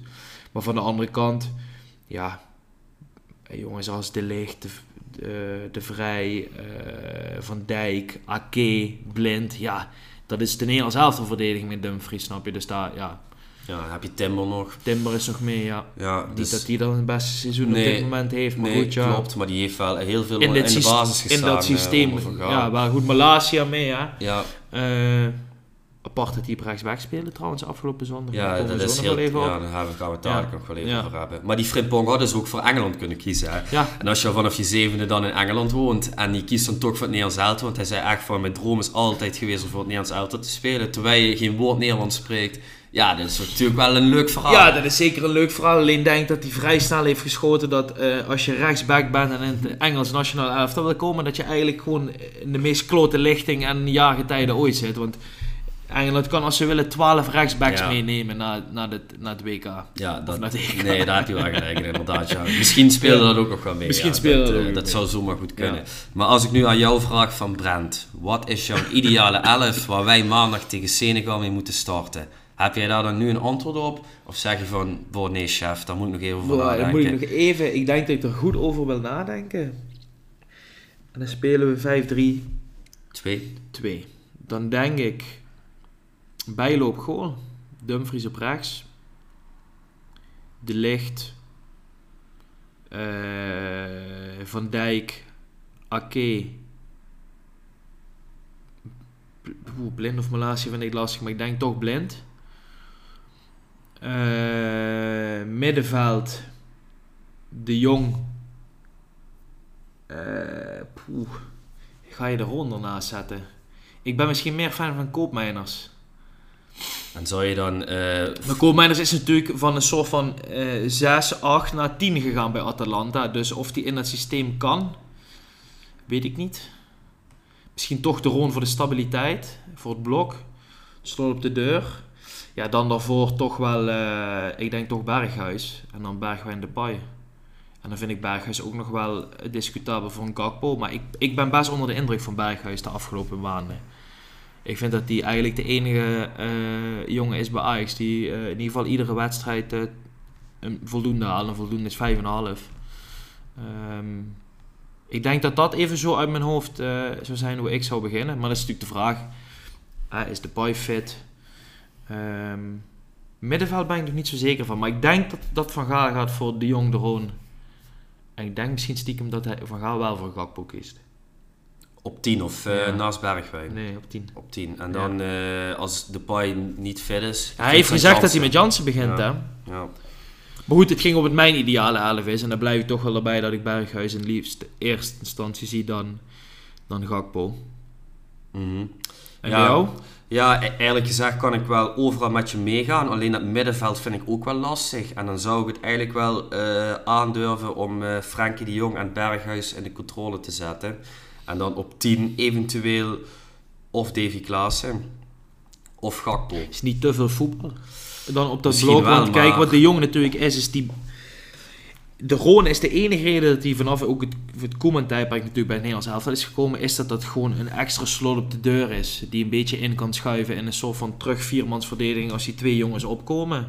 Nee, dat klopt. En dat heeft een Berghuis of een Klaassen, eh, heeft dat niet. En de jong, de jong moet gewoon een vrije rol hebben, 100%. Die moet gewoon opbouwen, het spel maken. En ik denk ook dat de Jong misschien fijner speelt met een jong als de Roon naast zich. Met die wetenschap van, ik heb nog iemand achter me. Ik heb nog een slot op de deur Ja, maar je hebt er vijf achter je. Ja, dat klopt, maar niet in een aanvallende situatie. In een, in een omschakeling, daar Ja, gaat het ja, natuurlijk goed, om. als het goed is, als je natuurlijk 5-3-2 of 3-5-2 speelt, hoe je het ook wendt of Ja. keert, dan moet je, moet je in de restverdediging minimaal altijd 3 à 4 man Ja, ben ik, ben achter ik, de bal ja, ben ik met je eens. Kijk, Kijk, en je speelt Ja. natuurlijk tegen ploegen die kwalitatief Ja. wel echt een stuk minder zijn. Dus ik zou daarom juist wel echt voor meer voetbal kiezen. Want ik denk nu krijg je heel veel de bal, die eerste groepswedstrijden. En dan gaan die ploegen natuurlijk vooral de Roon aan de bal laten maken. En dan moet hij dan een creatieve ja, oplossing Ja, maar ik denk ook, je gaat nu heel veel, denk ik, eh, eh, ploegen op de counter treffen. Die gewoon denken, we gaan laat Nederland spel maar maken en op de snelheid er langs. Ik, ik, ja, ik denk dat, dat het is een, ik vind het een fijnere optie wetende dat je een berghuis daar naartoe kunt schuiven of in kunt brengen. Ehm, Ja, ik zou- zou altijd starten met de Ron. Ja, ja, ik zou de Roon tegen sterkere ploegen zou ik wel laten spelen. Maar ja, tegen die zwakkere ploegen, dan zou ik juist echt voor meer voetbal kiezen. fit genoeg is, hè? want ook die is de laatste week Ja. het sukkelen met wat spierblessures. Ja, klopt, inderdaad. Dus daar zijn we in ieder geval enigszins over, eh, over eens. Ja, en ik denk daarom ook, ehm, kijk, ik vind natuurlijk by far dat we absoluut niet de sterkste selectie hebben van het WK. Maar als je naar die loting kijkt en wat voor schema Ja. wij zitten, dan kan je eigenlijk zo in de kwartfinale al zitten. Ja, ik moet eerlijk zeggen, als ik het zo opnoem, dan denk ik, oké, ja, het, is, het klopt wel. De jongens, ook de posities, kloppen wel. Als je ze zo even in je hoofd formuleert en, en neerzet. En als ik het dan op papier zie, dan denk ik altijd, ja, de kwaliteit, maar het klopt wel gewoon. Mhm. Daar zit een filosofie achter. En dat is natuurlijk hoe Van Gaal in 2014 ook ver kwam. Het klopte gewoon. Kijk, en in Duitsland en in, eh, in zekere zin in Engeland en in Frankrijk en in Argentinië eh, en in Brazilië en in België, dat zijn toch minder teams voor mijn gevoel. Het zijn veel meer individuele klassenspelers. Ehm, en daar denk ik dat wel de grootste winst ligt en de grootste kans voor het Nederlands elftal als dat stand kan houden.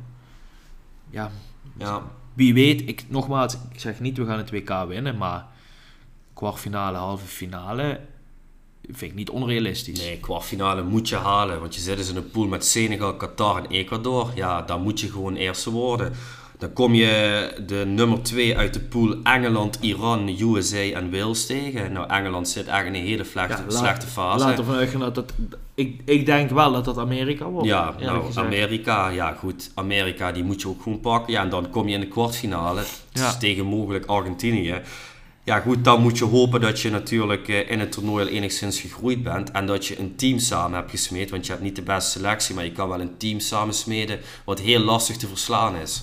En dat zijn wij eigenlijk, hè. En dat zijn wij, Ja. snap je? Dus Ja. ja. daar kan je ver mee komen in het toernooi. Ja, nou laat ik het zo zeggen. Ik, ehm, ik denk dat ik even die eerste wedstrijd nodig heb. En als we het er zo over hebben, dan denk ik... Oké, het is allemaal misschien niet zo rooskleurig, maar het is ook allemaal niet zo dramatisch.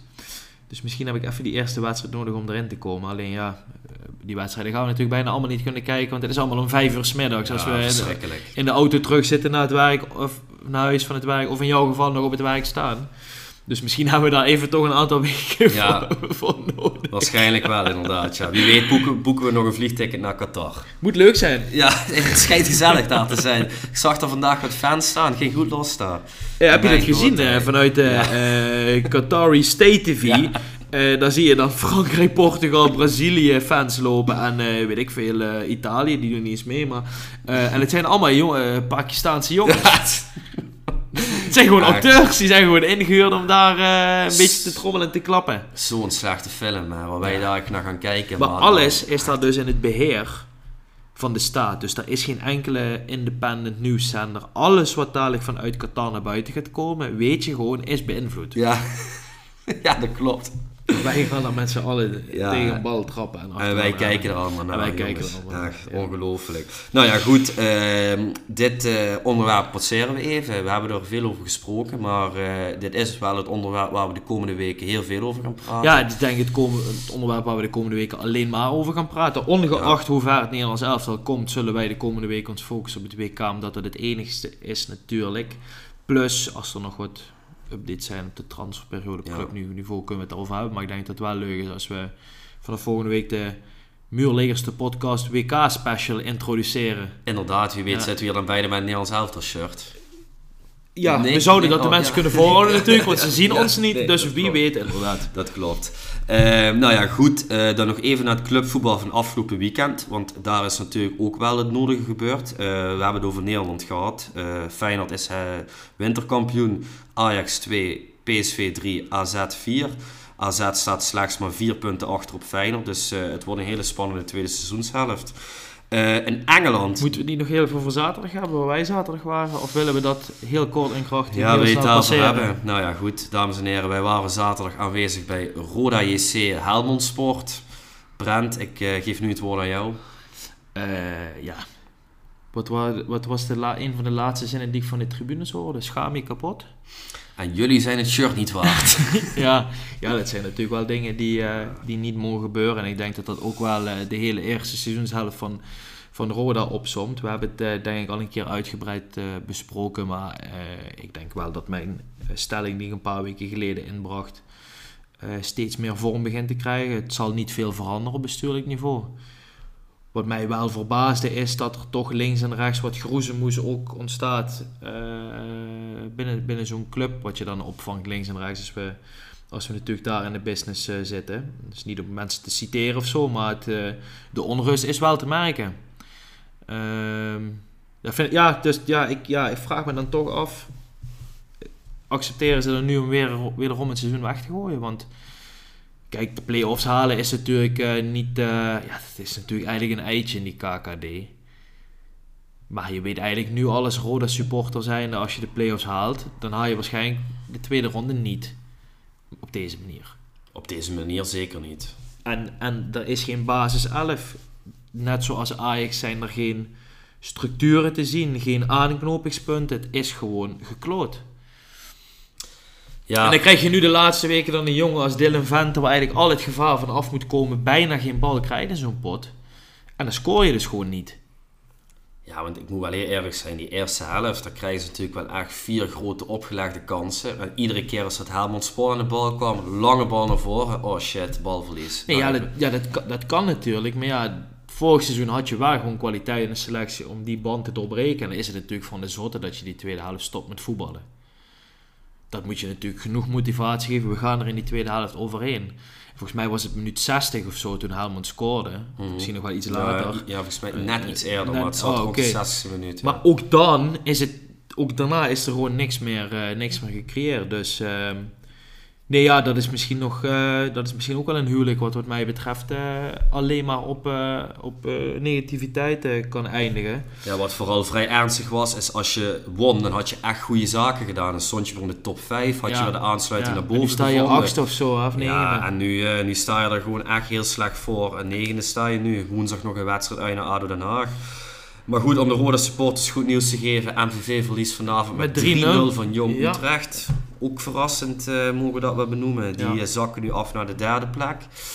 Ehm, ja, goed, weet je, ik, ik denk wel echt niet eh, dat. Ik denk wel gewoon dat Strappel het seizoen afmaakt. Ik eh, sprak nog heel snel even met Joris Peters. Die zei van ja, goed, weet je, het is altijd de kunst om ervoor te zorgen.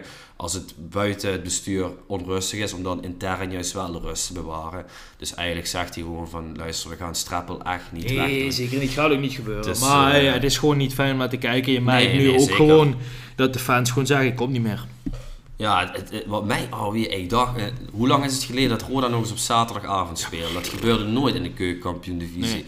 Ik, ik dacht echt van, nou, dat zou misschien dat saai nog eens wel eens leuk vol kunnen zitten. Leuk sfeertje. Alsof we op een begrafenis Een aankwamen. koffietafel was het, hè? Ja. Mijn god, hè. Ja, dat viel Ik mij ook tegen. Dit was echt, ik, ja, ik zit nu drie jaar daar in de business. Ik heb nog nooit zo'n slechte entourage gehad. Nee, ja, Echt, het- 100% mee eens. Het was echt mijn god, ik schrok me kapot. Hè. Ja. Ja. goed, uiteindelijk na een paar biertjes heb je dat toch nog wel gezellig. Maar eh, dat komt absoluut niet door jullie, Nee, dat- Roda. nee, dat klopt. Mijn god, hè. Maar ja, goed, ik denk dat we daar eh, wel genoeg woorden aan vuil hebben gemaakt. Ook, Ehm, in Engeland was zaterdag wel heel interessant. Want eh, ja, ik heb de wedstrijd niet gezien, jij wel volgens mij. Ik heb de laatste 10 minuten gezien. City verliest thuis met 1-2 van Brentford. Hoe dan? Ja, geen idee. Mijn god, 1-2. Ivan Tony die dacht, Garrett Southgate, eat your heart out. Je neemt mij niet mee in plaats van Callum Winston. Dan scoor ik er twee eh, tegen City. Nee, ja, eh, ik heb er te weinig van gezien. Eh Brentford kwam al vroeg in de wedstrijd op voorsprong. Dat weet ik dan. Ehm 16e minuut, ja. 16e minuut. Ja, City maakt daarna de 1-1. Dan denk je natuurlijk, oké, die gaan er overheen, komt goed. Ja, blijft het 1-1. Dan gaat City natuurlijk alles of niets voetballen. Ja, en één vlijmschapen counter, die ik dan toevallig dan ook nog zie. En die ligt erin. Dus het was een, als En dan kon die Tony ook nog op een gegeven moment de 1-3 maken. Maar is dat de Bruyne daar op een gegeven moment op de, op de lijn liggen. Anders scoort hij gewoon een hat uit bij City. Maar ja, dat zette natuurlijk de toon voor, eh, voor de avondwedstrijd. Hè? Ja, want jullie speelden kwart voor negen uit tegen Wolverhampton. En Ja. jullie wisten, als wij vanavond winnen, dan eh, staan wij niet alleen bovenaan met de kerst, maar eh, lopen we ook nog eens drie punten uit en kunnen het verschil naar vijf punten maken. Ja, Brent, eh, ik denk dat ik vooral jou nu even aan het woord moet laten. Ja, ik zat natuurlijk in eerste instantie bij... we zaten bij Roda, dus Ja. dat was niet heel ideaal. Ik heb toch ervoor gekozen om de sociale contacten in het echte leven maar een beetje bij te houden in plaats van hier thuis op de bank te gaan zitten. Ook in het achterhoofd houden dat je hele zaterdag naar de haaien kan gaan als ze natuurlijk verliezen. Eh, maar het was natuurlijk al mooi gegeven, wetende dat wat er ook gebeurt, dat je in ieder geval met de kerst bovenaan stond, of je nou wint, verlies, gelijk speelt. Maar natuurlijk de kans om naar vijf punten uit te lopen, ja, dat is immens. Ehm, ja, ik heb eh, de eerste helft heb ik veel, eh, heb, ja, we zaten binnen natuurlijk, dus die heb ik eigenlijk kunnen kijken op de telefoon. De tweede helft was het minder. Die heb ik de dag daarna teruggekeken, helemaal.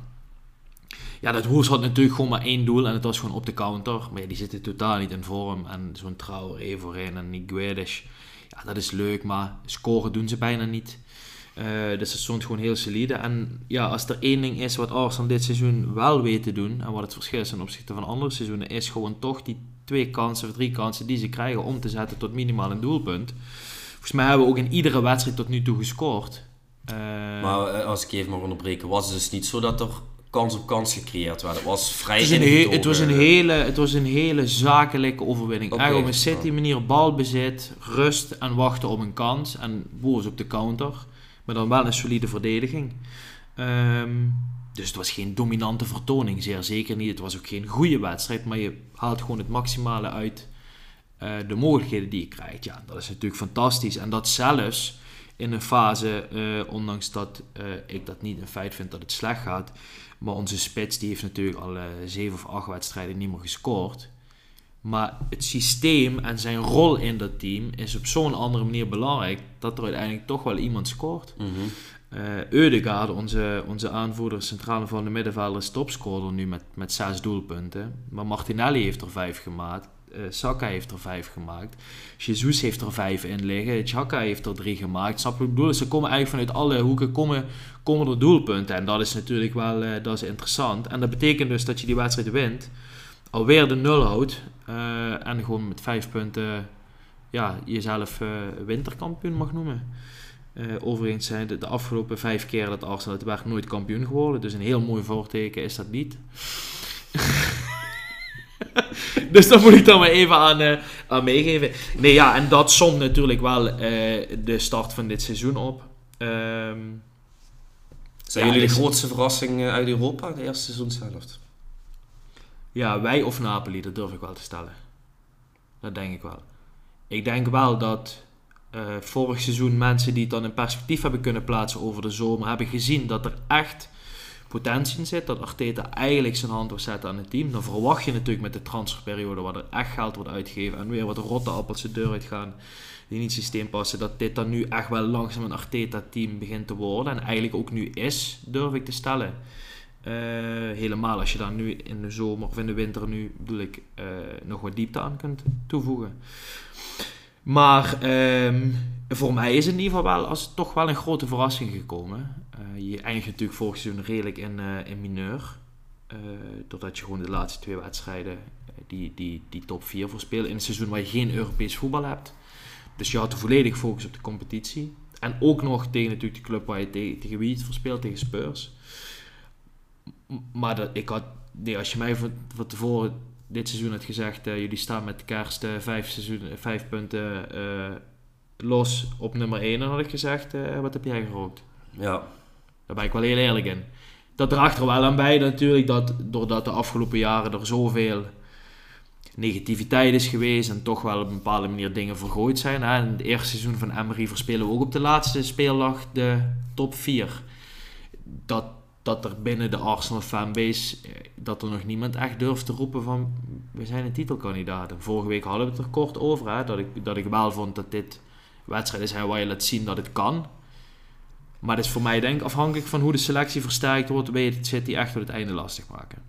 Ben ik Ja. heel eerlijk in. En dan heb ik het over nu in de winter. Er moet echt twee of drie jongens bij voor die Mhm. diepte. Voor als er wat weg gaat vallen. Ja, goed. Ehm, ja, weet je, ten, ten opzichte van Napoli, eh, die presteren natuurlijk ook sensationeel. Maar ik vind jullie prestatie wel knapper. Omdat eh, in Italië is natuurlijk ook acht jaar lang Juventus heel dominant geweest. Ja. Zijn ook vrijgevallen, dus die competitie ligt eigenlijk nu helemaal open. Er staat niet echt iemand heel hoog boven de pickorde ten opzichte van andere teams. En in Engeland heb je toch altijd wel vijf, zes ploegen die eh, ja, qua niveau eh, wel echt eh, veel hoger eh, in staat zijn te voetballen Ja. dan in Italië. Dus Ja. ik vind jullie prestatie wel echt knapper. Daar wil ik alleen nog aan toevoegen, sorry dat ik je onderbreek. Kijk, wat natuurlijk wel zo is, als tegenargument, als, als Napoli supporter of als niet-Arsenal-fan kun je zeggen... Liverpool zit in een transitieperiode. Chelsea zit in een transitieperiode. United zit in een transitieperiode. Spurs is eigenlijk over het algemeen altijd wisselvallig, maar die zijn misschien dit seizoen nog wisselvalliger dan, dan normaal. Ehm, dus daar liggen natuurlijk ook wel kansen voor het rapen nu. Maar jullie zitten ook in een transitieperiode. Ja, alleen denk ik dat wij aan een soort van. Ik wil niet zeggen het einde van de cyclus aan het komen zijn, maar wel twee of drie stappen verder zijn dan de andere teams. Want onze transitieperiode is eigenlijk echt begonnen drie seizoenen geleden toen Arteta manager werd. En daar alles, waar we zo nog uitgebreid op komen, denk ik, wat nu bij United gebeurt, dat heeft Arsenal gehad. Ja, dat met een. Auba, met een Euziel, met dat soort jongens. Snap je? Dus wij zijn al een paar stappen verder. Dus wat dat betreft is dit ook weer een soort natuurlijke verschuiving. Eh, ik durf niet te zeggen dat dit Arsenal-team eh, had gewonnen van een eh, Liverpool van twee seizoenen geleden. Nee, klopt. Maar je moet je voorstellen, Liverpool speelde in mei nog de Champions League finale. Ja, maar Kijk. ik denk dat Mané, de, het weggaan van Mané is daar een grotere klap geweest dan wij ook allemaal met z'n allen hebben bedacht van tevoren. Ja, dat is zeker een hele grote klap geweest. Maar ja, goed, zou je met Mané dan nu tussen Arsenal en City staan, denk je, Liverpool zijn? Eh, Dat Ja, vind ik, toch wel, ja. Doet, hij doet niks aan onder van de prestaties, maar ik vind wel, het is, het, het, het- ja, er liggen wel meer mogelijkheden dan nu. We zijn Ja. eigenlijk op dit moment de enige serieuze uitdager. En dat zegt denk ik meer over de rest van de competitie dan over Arsenal. Van Ja. City ja, hebben we het dan over. Ik zie, eh, ja goed, nu ga jij me natuurlijk eh, voor gek verklaren, maar ik zie best eh, in jullie seizoen tot nu toe een grote vergelijking met, met Feyenoord in 2017 in Nederland. Die waren ook al 18 jaar geen kampioen meer geworden. Jullie volgens mij nu ook 18 jaar. En hun hadden ook helemaal geen brede selectie. Alleen die hadden een seizoen waar gewoon niemand geblesseerd raakte. Heel af en toe een schorsingje. Als iemand geblesseerd raakte, was het een weekje. En die zijn gewoon kampioen geworden met 13 of 14 spelers. Dat, dat moet ook natuurlijk meezitten in zo'n jaar. En het zou zomaar kunnen. Natuurlijk, er moet nog heel lang gevoetbald worden. Maar als je nu naar die eerste drie maanden kijkt, hebben jullie op dat gebied toch vrij weinig tegenslagen gehad. Dat moet ook meezitten natuurlijk. Dan moet je een beetje het geluk hebben. Ja, En, eh, ja, ja ben, ik, ben ik wel en niet met je eens. Kijk, vooral defensief wat, wat, wat blessures. Tomiyasu is eh, links en rechts geblesseerd geweest. Zinchenko ook, alleen dat is nu net de linie Wat op te vangen is. wat redelijk goed op te vangen Ja. is. Tierney op de plaats van eh Zinchenko. White is eigenlijk de rechtsback geworden omdat die Saliba gewoon meteen in het eerste elftal eh, is gekomen en echt ongekend goed presteert. Dat is echt niet normaal. Ik denk echt dat als we die niet heel snel weten te binden, eh, dat dat best wel, een, best wel eens erg zou kunnen zijn, want zijn contract loopt af. Want ja, wat dat betreft is dat voor mij het grootste verdedigende talent wat op dit moment rondloopt op de A-bodem. Maar goed, dus daar was het op te vangen. Kijk, als dadelijk een party wegvalt, wat echt die echt een immense rol heeft in dit systeem, en dan moet dan een Lokonga of een El Neni dat opvallen, dan ga je dat echt merken. Want dat heb je gezien in de wedstrijden in de Europa League, eh, in de Carabao Cup, eh, daar waar doorgerouleerd wordt. Ehm, en dat zijn echt dingen waar ik nu vind, daar liggen nu de kansen in januari. Om ervoor te zorgen dat die wegvallen. Want stel een party valt dadelijk weg en bijvoorbeeld een Jesus. En je moet daar een Ketia neerzetten. Jesus scoort misschien niet, maar het Ja. werkvermogen wat die gast heeft en wat die levert. En wat hij eigenlijk door zijn druk zetten eh, spelers eh, van de tegenstander problemen brengt. Waardoor een Saka of een Martinelli er wat mee kan. Weet je, dat ga je echt merken. Dus wat dat betreft... Ja, Nee, ja, ze Ja. met eh Ja. Giroud bij 2K 2018 geen één goal gemaakt, maar zo immens belangrijk in de Franse ploeg en je wordt er wereldkampioen mee. Dus ja, je hoeft niet altijd als spits zijn te scoren om een grote Nee. toegevoegde waarde in je Nee, te hebben. Ehm, en eh, wat ik daar verder nog over wilde zeggen, dat ben ik nu eventjes kwijt, maar het lag net op het puntje van mijn tong. Wie weet komt dat daar nog wat even terug, maar eh, we kunnen wel eh, concluderen dat, dat jij... tot nu toe uh, drie à vier fantastische maanden heb gehad. Ja, dit is, dit is, het is bijna onwennig. Ja, ja. Omdat ik natuurlijk niet gewend ben dat, uh, dat het zo goed is. En je gaat natuurlijk altijd als supporter zijn een wedstrijd een beetje zenuwachtig in. Maar uh, vooral als het tegen een top 6 ploeg is. Maar ik moet zeggen in de Premier League eigenlijk wel iedere wedstrijd. Omdat ik gewoon weet dat Arsenal en eigenlijk in de Premier League iedereen van iedereen kan verliezen. Maar er straalt zoveel rust uit van die ploeg en zoveel. Uh, uh, zelfs als je achterkomt dat je denkt van. Nee, het zit, snap je, er zit er gewoon nog in. Daar gaat nog mhm. iemand, daar gaat nog, we gaan nog wel een kans krijgen. En goed, United uit verliezen we dan. Ehm, maar de waren we speelden gewoon, wel gewoon heel goed. Ja, dan verlies je die partij, dat kan. We gaan nog niet niks meer verliezen dit seizoen. Southampton laat je punten liggen.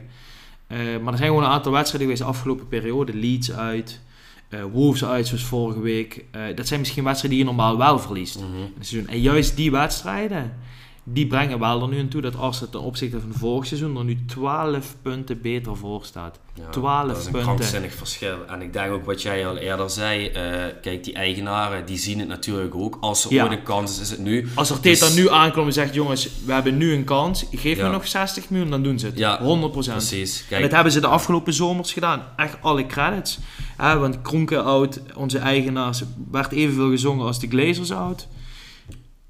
Maar vanaf het moment dat Arteta dat ze de vormen zagen, hebben ze hem wel iedere euro gegeven die hij wilde. En dat betaalt zich natuurlijk grandioos uit op dit moment. Ja, nou ja, goed. Uh, dat gaan we de tweede seizoen zelf uh, met spanning tegemoet zien.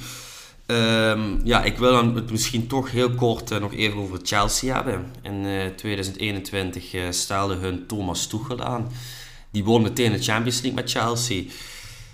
En nu is hij al ontslagen. Ja. Maar uh, wat was het? Volgens mij zeven wedstrijden is hij ontslagen. Graham Potter kwam. Chelsea staat nu na 14 wedstrijden op 21 punten op een achtste plek. Afgelopen weekend verloor ze ook met 1-0 van Newcastle. Vorige week uh, heeft Chelsea uh, met 1-0 verloren van Arsenal. jij hebt die wedstrijd 90 minuten ja. gekeken. Zie je bij Chelsea een zorgwekkende ontwikkeling? Of heb je zoiets van, uh, die Potter, uh, die moet toch eventjes uh, de tijd Nou, wat, wat, een beetje de, de, ehm, de kloterij is natuurlijk bij Chelsea. Die zitten misschien in een soortgelijke transitie als Arsenal een paar weken. Want dat is natuurlijk mijn één referentiekader. Dus wat ik, wat ik bij een Ajax zie, zie ik in zekere zin, heb ik dat ook meegemaakt bij, bij Arsenal. Wat ik bij Chelsea zie, heb ik in zekere zin meegemaakt bij Arsenal. Wat ik bij United zie, et cetera, et cetera. Dus ik kan daar wat dat betreft een soort van ervaringsdeskundige vanuit supporters oogpunt over spreken.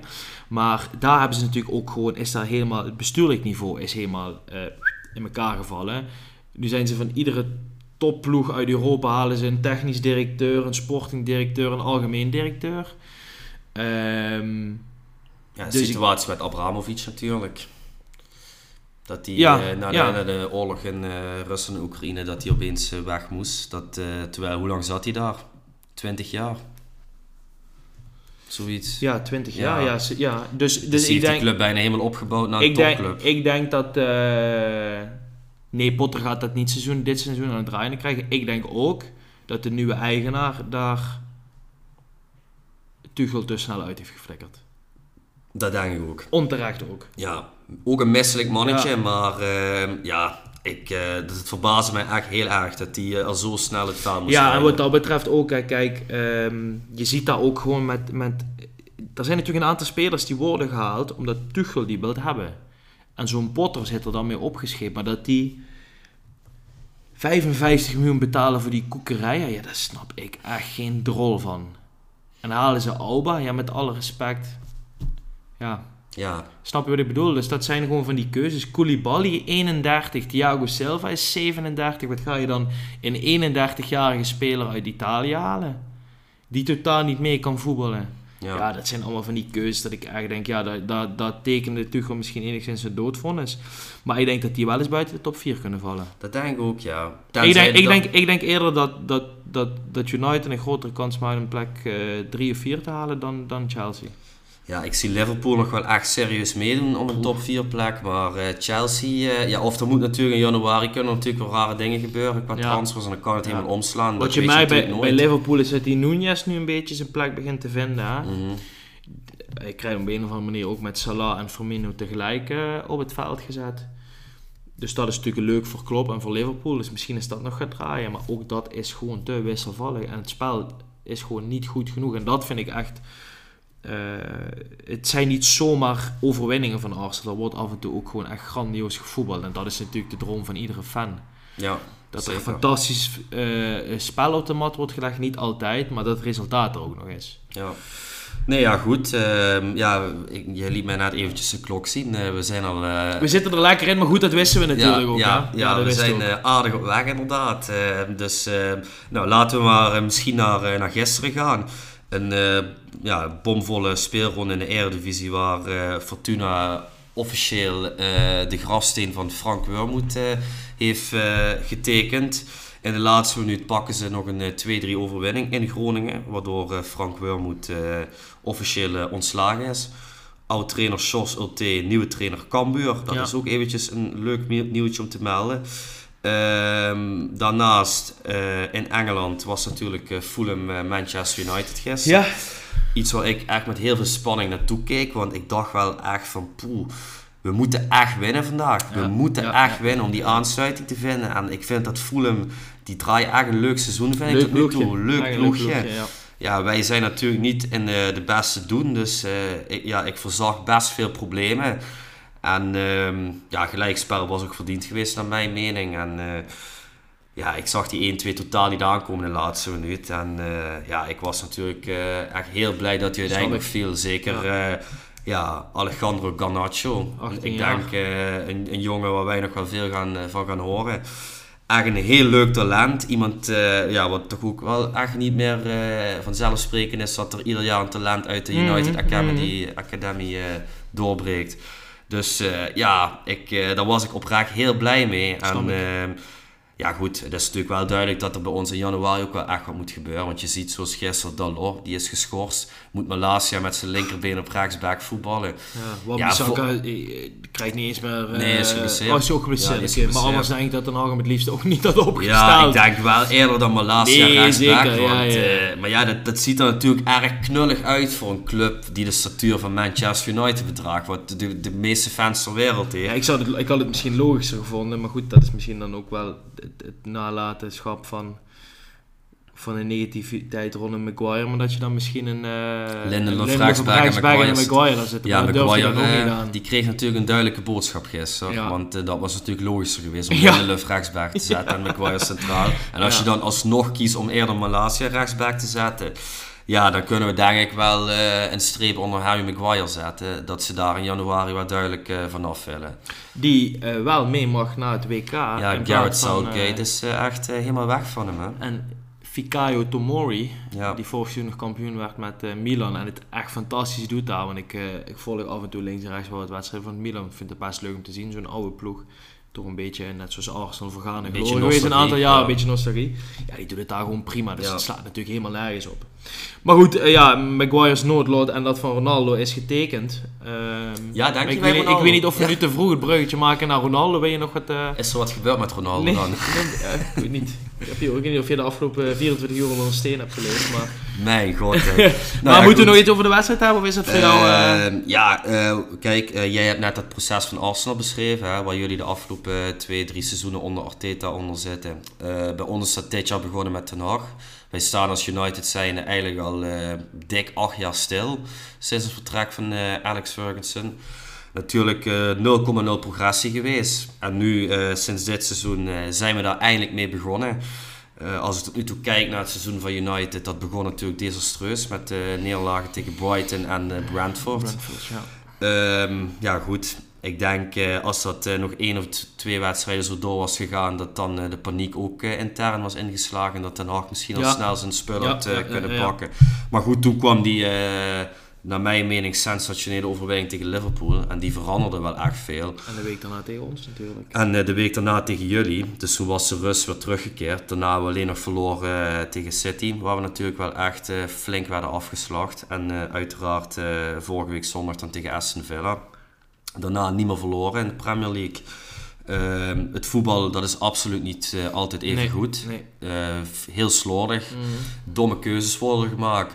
Maar de intentie eh, van het voetbal, eh, de beleving, hoe een wedstrijd beleefd wordt, de wil om te winnen, Ja, dat zijn eigenlijk dingen die allemaal heel normaal moeten zijn. Zeker bij een club als Manchester United. Maar dat zijn niet dingen die voor een United supporter normaal zijn geweest de afgelopen afgelopen acht jaar. jaren, En het feit dat je dat nu weer terugziet, ja, dat is voor mij de, de grootste zegen van de eerste drie maanden.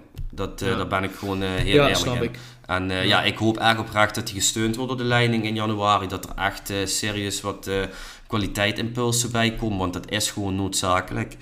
Maar ehm, ja, als jij dit jaar de top 4 haalt, dan ben ik daar echt heel erg content Da- mee. dan, dan kun je spreken. Ik durf ook wel te zeggen dat het spel van United en de resultaten wat meer aanknopingspunten bieden dan wat ik bijvoorbeeld de eerste seizoenen van Arteta onder Arsenal zag. Dus dat is natuurlijk wel eh, dat is een voordeel. En als het je inderdaad lukt om die plek 4 te halen. Volgens mij werd Arteta zijn eerste seizoen 8 of 7e. Je weet nu plek 4 of 5 te halen, is dat gewoon ik een zeer geslaagd seizoen. Eh, met al het groezemoes op de achtergrond natuurlijk, waar er nog mee moet dealen. Ehm, ik betwijfel alleen of hij het geld gaat krijgen in januari. Ik denk dat er eerst ook echt jongens weg moeten. Ja goed, ik denk dat er eentje sowieso weggaat. Ja, laten we het er maar over hebben. Ja, ik denk dat we ja. het hier ook nog wel uren over kunnen hebben, maar laten we het proberen eh, Kort kort, en krachtig te houden. Hoe, hoe was jouw reactie als we dan even terug gaan naar... Ik denk dat het gisteravond een uur of half elf was, toen ik de eerste bericht, de eerste tweet zag, eh, zag komen. Half elf, elf uur. En dacht ik eerst van, eh, heb ik dit gemist eh, overdag? Toen dacht ik, dat kan niet. Eh, ja, Ronaldo die eh, bij Piers Morgan, overigens een Arsenal-fan, wel eigenlijk een kwal van een vent, ehm, een interview van ongeveer anderhalf uur heeft gegeven, waar gisteren wat eerste beelden uitlekten, wat eerste quotes. Ja, wat, eh, was, had jij een Hosanna-reactie, zo van eindelijk het einde? Of zag je toch van eh, ja, de, de donkere wolk alweer samenpakken boven Nee. Old Trafford? Nee, echt een grote Hosanna-stemming inderdaad. echt, ja, ik kan niet anders zeggen. Ik was daar zo blij mee, want ik denk eerlijk gezegd met dit interview eh, dat Ronaldo eigenlijk alleen maar zijn eigen ruiten ingooit. Ik denk dat hij dat ook bewust doet. nou ja, goed, ik denk Anders dat- geef je dat interview niet. Ja, kijk, ik, eh, ja, ik, ik moet eventjes iemand citeren. Eh, hij heeft deze opmerking naar mij gestuurd. Nee, niet naar mij. Ik zag hem toevallig op Facebook. Zijn naam is, eh, ik hoop dat je luistert, zijn naam is Richard van Wee. Ik citeer. Voor iemand die er esthetisch gezien altijd zo perfect mogelijk uitziet, is het echt best bijzonder dat hij op zijn minst in de laatste vier jaar nog geen dag in de spiegel heeft gekeken. ja, ik kan hier eigenlijk niks aan toevoegen. Ja. Kijk, het is weer eh, een, interview van anderhalf uur lang waar iedereen het schuld is eh, dat het bij United niet lukt, behalve Cristiano Ronaldo zelf.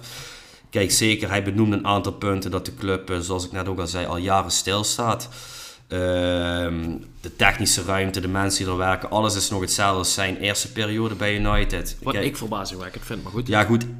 Voor mij is dat eerlijk gezegd niks nieuws. Ik, ik wist dat al. Dus ja, ehm, ik, ik wist dat op dat gebied eh, geen stappen gemaakt zijn. Maar, ehm, ja, eh, wat wilde ik nou zeggen? Godverdomme, wat wilde ik nou zeggen? Ja, goed, maakt niet uit. In ieder geval, ehm, kijk dat jij op... Oh ja, dat wilde ik zeggen. Eh, het klopt inderdaad dus dat we al jarenlang stilstaan, dat er geen, ehm, ja, dat de club gewoon niet vooruit komt. En sinds eh, de komst van Ten Hag zijn we dus wij eigenlijk begonnen om de club opnieuw op te bouwen. Alleen dat gebeurt zonder Cristiano Ronaldo. De club is juist de stijgende lijn aan het pakken, alleen is hij daar geen onderdeel van. Dus ja, ik vind het heel zwak en heel kinderachtig dat hij nu een interview gaat geven dat eh, mensen hem binnen de club in de steek laten, geen respect voor hem hebben, geen vertrouwen in hem hebben, hem niet daar willen hebben en dat het allemaal aan die mensen ligt. Maar het zou inderdaad ook wel eens Cristiano Ronaldo heel netjes staan om in de spiegel te kunnen kijken en kunnen zeggen van luister, ik lever niet wat mensen van mij gewend zijn. Misschien ligt het ook wel enigszins een klein beetje aan mezelf. Maar goed, kijk, dat interview dat wordt dan morgen gepubliceerd. Dus misschien kunnen we daar nog niet helemaal over oordelen. Maar wat ik nu gezien en gehoord heb, ja, trekt hij totaal, eh, ja, neemt hij zichzelf eigenlijk niks kwalijk. En is iedereen het om hem heen schuld, behalve hij zelf. Ja, en eh, ik vind het heel treurig voor hem dat hij zijn carrière op deze manier eigenlijk zo het water ingooit. Want ja, hier spreekt geen grote voetballer naar mijn mening. Het zijn ja, dus ik- uitspraken. Ja, daar ben ik even stil van. Ja, dat, Ehm, nou ja, ik snap jouw punt en ik eh, was de vorige keer in natuurlijk de discussie iets meer op de hand van Ronaldo. Laat ik vooropstellen dat dit misschien niet het meest handige is wat hij heeft gedaan. Maar ik kan me best voorstellen dat als je een bepaald gevoel krijgt binnen een club als speler zijnde, en dan ben je niet zomaar een speler. We hebben het wel over Cristiano Ronaldo en Keanu, snap je? We kunnen daar lang of breed over discussiëren wat voor kwaliteit is. Maar het is gewoon, samen met Messi, de beste voetballer van de wereld. Van, de afgelopen, van het afgelopen decennia.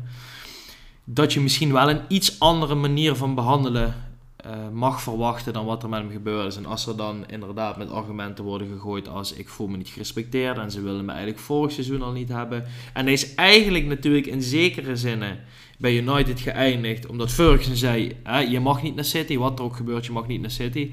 Niet alleen Ferguson, maar waarschijnlijk ook de mensen om hem heen. Um, ja, en je hebt dan het gevoel dat je eigenlijk niet welkom bent. En dat misschien heeft hij heel erg het gevoel dat het allemaal aan hem ligt. Dat ze niet verder komen. En dan heb je een trainer die inderdaad misschien beslissingen neemt. Die goed zijn. Maar die ook wel een tikkeltje respectloos zijn. Althans, waar niet wordt nagedacht over dit is Cristiano Ronaldo of dit is Tara Malasia. Snap je wat ik bedoel? Ja, dan kan je wel voorstellen dat je in een positie wordt geduwd. Dat je het gevoel hebt van... Ik krijg alleen maar allemaal shit over me. Dit is mijn laatste schreeuw om aandacht. Van de andere kant, als één iemand graag in de spotlight staat, dan is hij het. Uh, maar wat ik vooral zorgwekkend vind, is natuurlijk de, de echte, echte dingen die hij roept over dat vanuit de club er nooit geloofd is dat zijn dochter ziek was en dat hij nooit het gevoel heeft gehad dat vanuit de club de steun was toen zijn uh, pasgeboren zoontje overleed. Hè, en dat hij zelfs refereerde aan, ik kreeg van de Liverpool fans een minuut applaus, maar bij United heb ik dat nooit gebruikt. Ja, dat vind ik heftige dingen, man. Dat soort dingen. En dat zal hij niet zomaar roepen. Uh, en wat dat betreft, wat ik het meest jammer vind, is...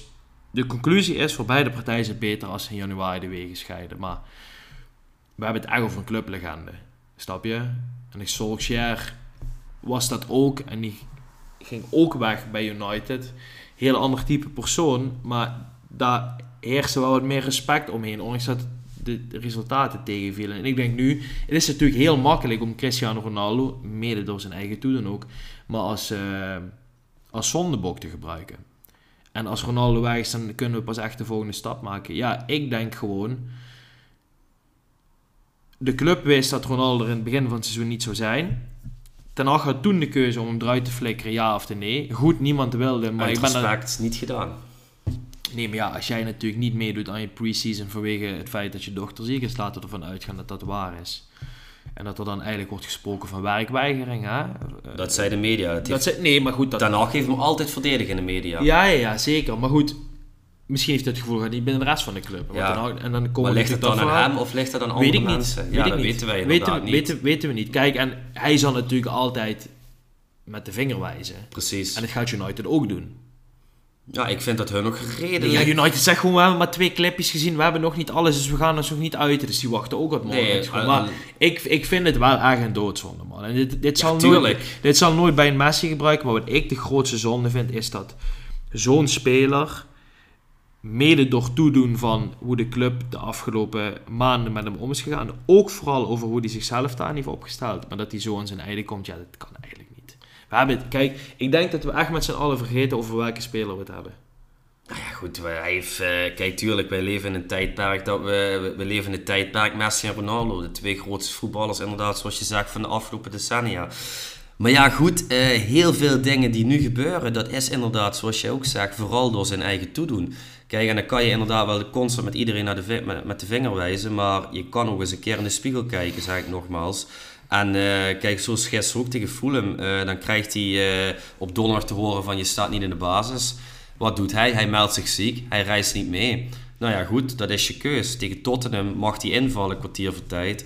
Wat doet hij? Hij zegt van ja, nee, ik ga niet invallen.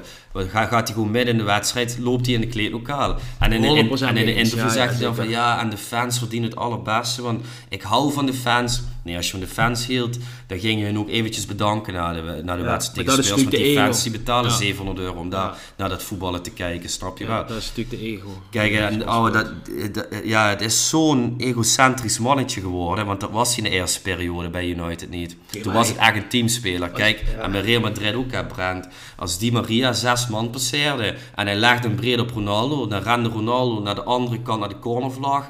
En dan ging hij zijn Ronaldo-hupje doen. Zo, dat is alweer nummer 34 van het seizoen. Weet je wel, het is, ja, het, is gewoon geen teamspeler. En het verschil tussen hem en Messi is dat Messi nooit zo'n interview zou afleggen. Want dit is gewoon wederom uh, ja, een beetje karaktermoord naar Ten Haag. Als jij het beste met de club voor hebt, dan doe je dit niet. Dan doe je dit Nee, niet. Zeker nee, niet eh, als om- je, het als je twee jaar naar om- voren de laatste minuut van voetbal bent. persoonlijke vetes. Maar Ja. ik, denk, ik, denk, ik denk, laat ik het zo zeggen. Ehm, het is niet de schuld van Ten Hag. Maar hij heeft er wel een rol in gespeeld. Of hij dat misschien bewust heeft gedaan of onbewust. Maar ik denk wel dat hij een rol in heeft gespeeld. Ik denk het enige wat een trainer goed in zijn ogen had kunnen doen, was hem iedere wedstrijd 90 minuten kunnen laten spelen. Ja, weet ik niet. Maar ehm, het is wel voor het eerst dat hij zich zo uitspreekt over, over trainers in zijn carrière, wat ik me kan herinneren. Ja, En dat- goed. dat zijn is ook de wel eerste iets- keer dat het niet loopt in zijn carrière. Hij ja, overal- kunnen natuurlijk stellen bij. Juve dat het ook niet Ja, liep. is wel een eh, kampioen geworden, ja, topscorer van de Serie A. Ja. Maar goed, ja, weet je, dus ik denk dat de conclusie is eh, dat, dat dit geen weg terug... eh, Nee, dit is klaar. Ik Dit is klaar, ik- dit is- Ja, da, da- daarom ook terug naar het beginpunt. Daarom bij mij de Hosanna-stemming. Weet je, ja, Ronaldo was toch een beetje een gezwel in je team. En eh, ja, daar ben je nu vanaf. En ehm, ja, super blij. En ik ben echt heel erg benieuwd wie in januari met, hem aan de haak gaat. Want, ik denk dat hij eh, naar Amerika gaat. Ik denk dat hij naar Inter Miami of zo gaat. Ja, dat, dat- ja ik, in Europa kan ik me niet voorstellen dat een topclub daar nog. eh, Wat ik grappig beginnen. vind, er eh, circuleerde een quote van Ferguson rond. En ik denk dat als Ronaldo voor één iemand in de voetballerij respect heeft, dan is het voor Sir Alex. En volgens mij Ferguson in 2000, weet ik niet gezegd, als een speler groter wordt dan de club, dan is er geen rol voor hem bij United. Ik eh paraphrase heel even, maar ehm, dat ging over de verkoop van Beckham. Ja, en dat begint natuurlijk dan nu wel langzaam te ontstaan bij Ronaldo. Dat Ronaldo dus het idee heeft dat hij groter is dan de club. Ehm, maar dat is hij natuurlijk eigenlijk ook. Hij, Nee, hij is de meest... Hij vindt dat van zichzelf, Nou, denk ik. maar hij is groter dan de club. Het merk Cristiano Ronaldo is groter dan het merk Maar dat Manchester. United. Dat, Dat snap ik dat je, hoe je dat zegt, maar als je gewoon gaat kijken naar marktwaarde en dat soort dingen. Hij heeft de meeste volgers eh, op de hele wereld, op het internet en dat soort dingen. Dus ik kan me best voorstellen dat hij het gevoel heeft dat hij groter is dan de club. Ja, dan Nogmaals. iedereen. Hij denkt aan Ja. iedereen. En dat is natuurlijk, dat was zijn doel vanaf het begin toen hij aan zijn carrière begon.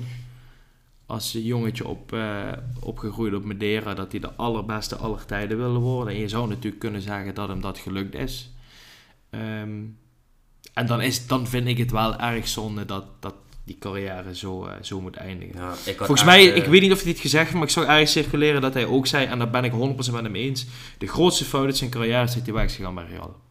Hij had er gewoon tot, tot nu moeten blijven voetballen en nu naar eh, Amerika moeten gaan, of seizoen of twee geleden. Dat is echt zijn grootste fout geweest.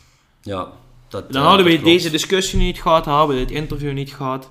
En dan had jij ook als United-fan en met jou denk ik vele fans kunnen zeggen... Over een paar jaar staat er een standbeeld van Ronaldo hier voor Old Trafford. Dat gaat nu niet gebeuren. Hmm, Ja, ik weet niet of ik dat anders wel gezegd had, maar eh, want ik, ja, ik vind wel dat Ronaldo een hele andere persoonlijkheid heeft ontwikkeld eh, sinds dat hij weg is bij United dan toen hij de Ja, maar eerste dan hebben, we- dan hebben het ook over de seizoenen bij Juve en dat soort dingen. De Ronaldo bij Real Madrid kun je niet meer dan hebben van respect, want die heeft hij gewoon. Op de voetballend grootste, zeker, dingen gedaan Zeker. aller tijden. Op Gaat geen enkele speler er meer nadoen. Messi, maar eh, dat is een Nee, maar discussie niet, van niet, niet de statistieken die hij... Nee, ja, die hij ik, heb het, ik heb het puur over statistieken. Ja, wat hij heeft gedaan, gaat niemand hem meer Ja, misschien maar- halen, maar dat zelfs niet. Nee, maar daar, weet je, daar hoeven we geen eh, discussie over te voeren. Het is duidelijk wat hij bij Real heeft gepresteerd. Eh, ja, grootser dan dat kan je niet presteren. Dat, dat heeft hij fenomenaal gedaan, absoluut. Ja, goed. eh, ik, ja, ik vind het ook doodzonde, maar eh, ja, ik vind echt dat, dat hij zich dit zelf eh, aandoet. En ja, goed, ik denk als je dit een kind van zeven laat zien en dat je dan zegt van dit was een paar jaar geleden de grootste voetballer die we ooit hebben gehad de afgelopen 15 jaar, dan ik, dat dat kind zich daar niks van kan voorstellen. Gewoon puur door de manier hoe hij zichzelf momenteel profileert. Ja, pijnlijk. Vooral voor hemzelf. En ja, ik ben echt heel benieuwd wat zijn volgende stap in zijn carrière Ja. gaat worden. Ja, daar heb ik niks aan toe te voegen, eerlijk gezegd, man. Nou ik ja, ben goed. ook zeer benieuwd. Ja, oké. Dan eh, denk ik dat we er misschien wel doorheen zijn. ja, ik Eh, denk we zitten nu op anderhalf uur, dus dat is eh, lang zat. en ik denk dat de mensen staan te popelen met al het nieuws van de afgelopen weken, of in ieder geval week, dat ze dit willen luisteren. Ja. Verwacht je nog iets van Ronaldo eigenlijk op het WK? Het zou natuurlijk wel, fanta- het zou natuurlijk wel zeg maar, fantastisch zijn. En Des Ronaldo's, als je er nu er wel op in staat. Maar eerlijk gezegd, denk ik het niet. Dat kan me ook niet voorstellen. Nee. Dat kan me echt niet voor. Nee. Ja, het zou kunnen inderdaad, maar... Dan zou eh, die wel een flinke sneer uitdelen natuurlijk. eh. Zit in een pool met Uruguay, Zuid-Korea en Ghana. Dat moet wel lukken, denk ik. dat denk ik ook. Ja. Dat denk ik ook. Nee, ja, we gaan ons denk ik langzaam opmaken voor het WK. Ja, Eh, wij zullen er volgende week niet op eh, maandag of dinsdag zijn, maar iets later. Ik denk dat wij misschien gaan proberen om eh, tijdens, de, tijdens het WK op de woensdag aan te houden. Omdat het misschien wat lekkerder valt met de wedstrijd, dat we alles kunnen dekken. Eh, oh ja, ongeacht wat er gebeurt. eh, of Nederland er dadelijk eh, naar de poolfase zal uitflikkert. Of wereldkampioen wordt. We zijn gewoon nog vier weken met een WK-special om en nabij. Hè? inderdaad. Zoiets. Dus ehm, ik zeg laten we ons mentaal gaan voorbereiden op volgende week maandag, Keanu. Precies, ja dames en heren. Pak de oranje vlaggetjes uit de doos, want het gaat beginnen. We gaan naar Qatar en eh, volgende week eh, de eerste podcast van Muurleerse podcast tijdens de WK-special. Keanu, slaap lekker. Fijne avond.